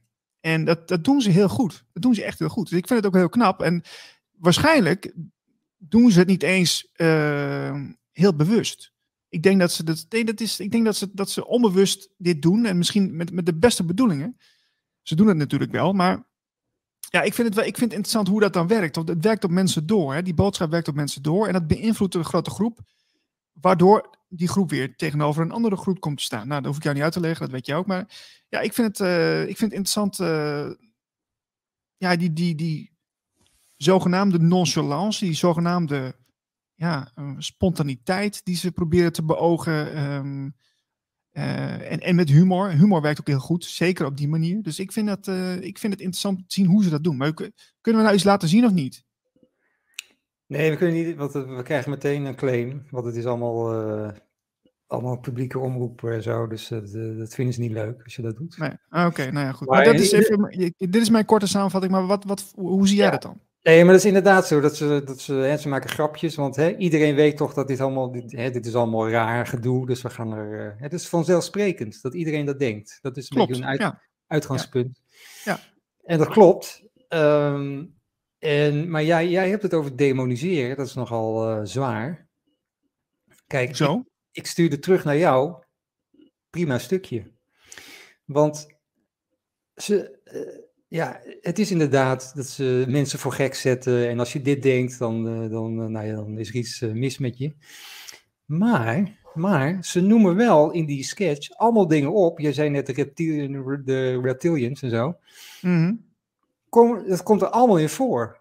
Dus al, al de mensen die hier naar luisteren, en die zag ook shots van mensen die daar in, de, in, de, in dat café zitten.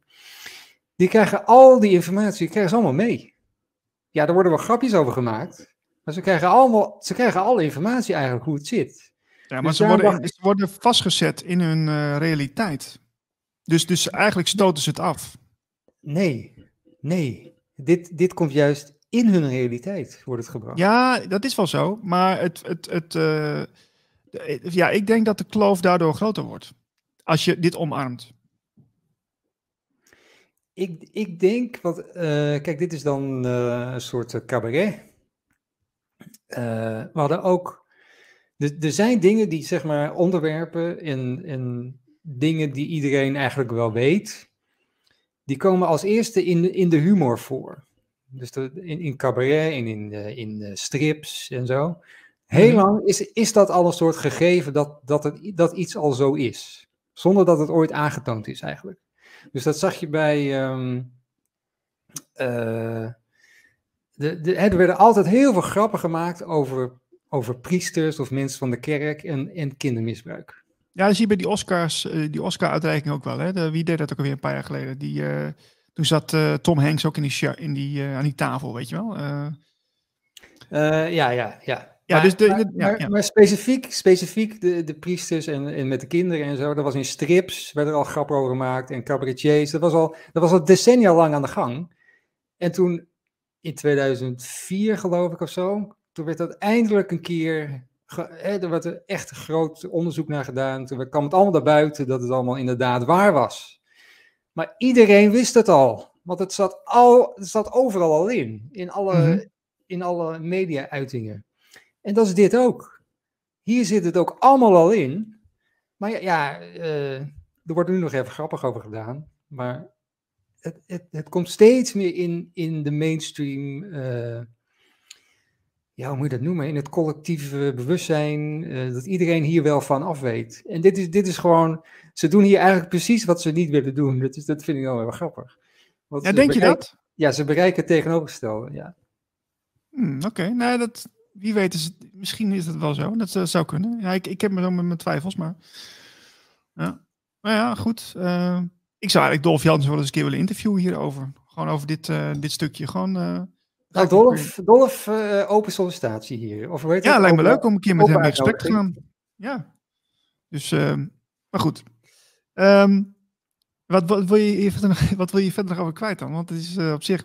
Nee, ik verder niet. Ah, Oké, ja. ja, en dat... dat, eh, dat een wereld, jongen. Echt een wondere wereld. He- Heb jij nog dat andere stukje? apparaat op de foto laten zien, geloof ik. Nou, ik, ik wil gewoon even laten zien. Ik, ik, ik stond echt te kijken. Wat is dat nou voor iets, joh? Het, ook poging tot humor trouwens. Dezelfde categorie. Maar eh, ja, haal hem er maar voorbij dan. Maar die, die kunnen we toch wel laten zien, heel kort. Dat is eh, geen NOS. Ja, ik kan wel even heel kort. eh, het geluid staat uit. Het is bij een demonstratie en dan zie je dus... eh, Dringend noodzakelijk. Honderdduizenden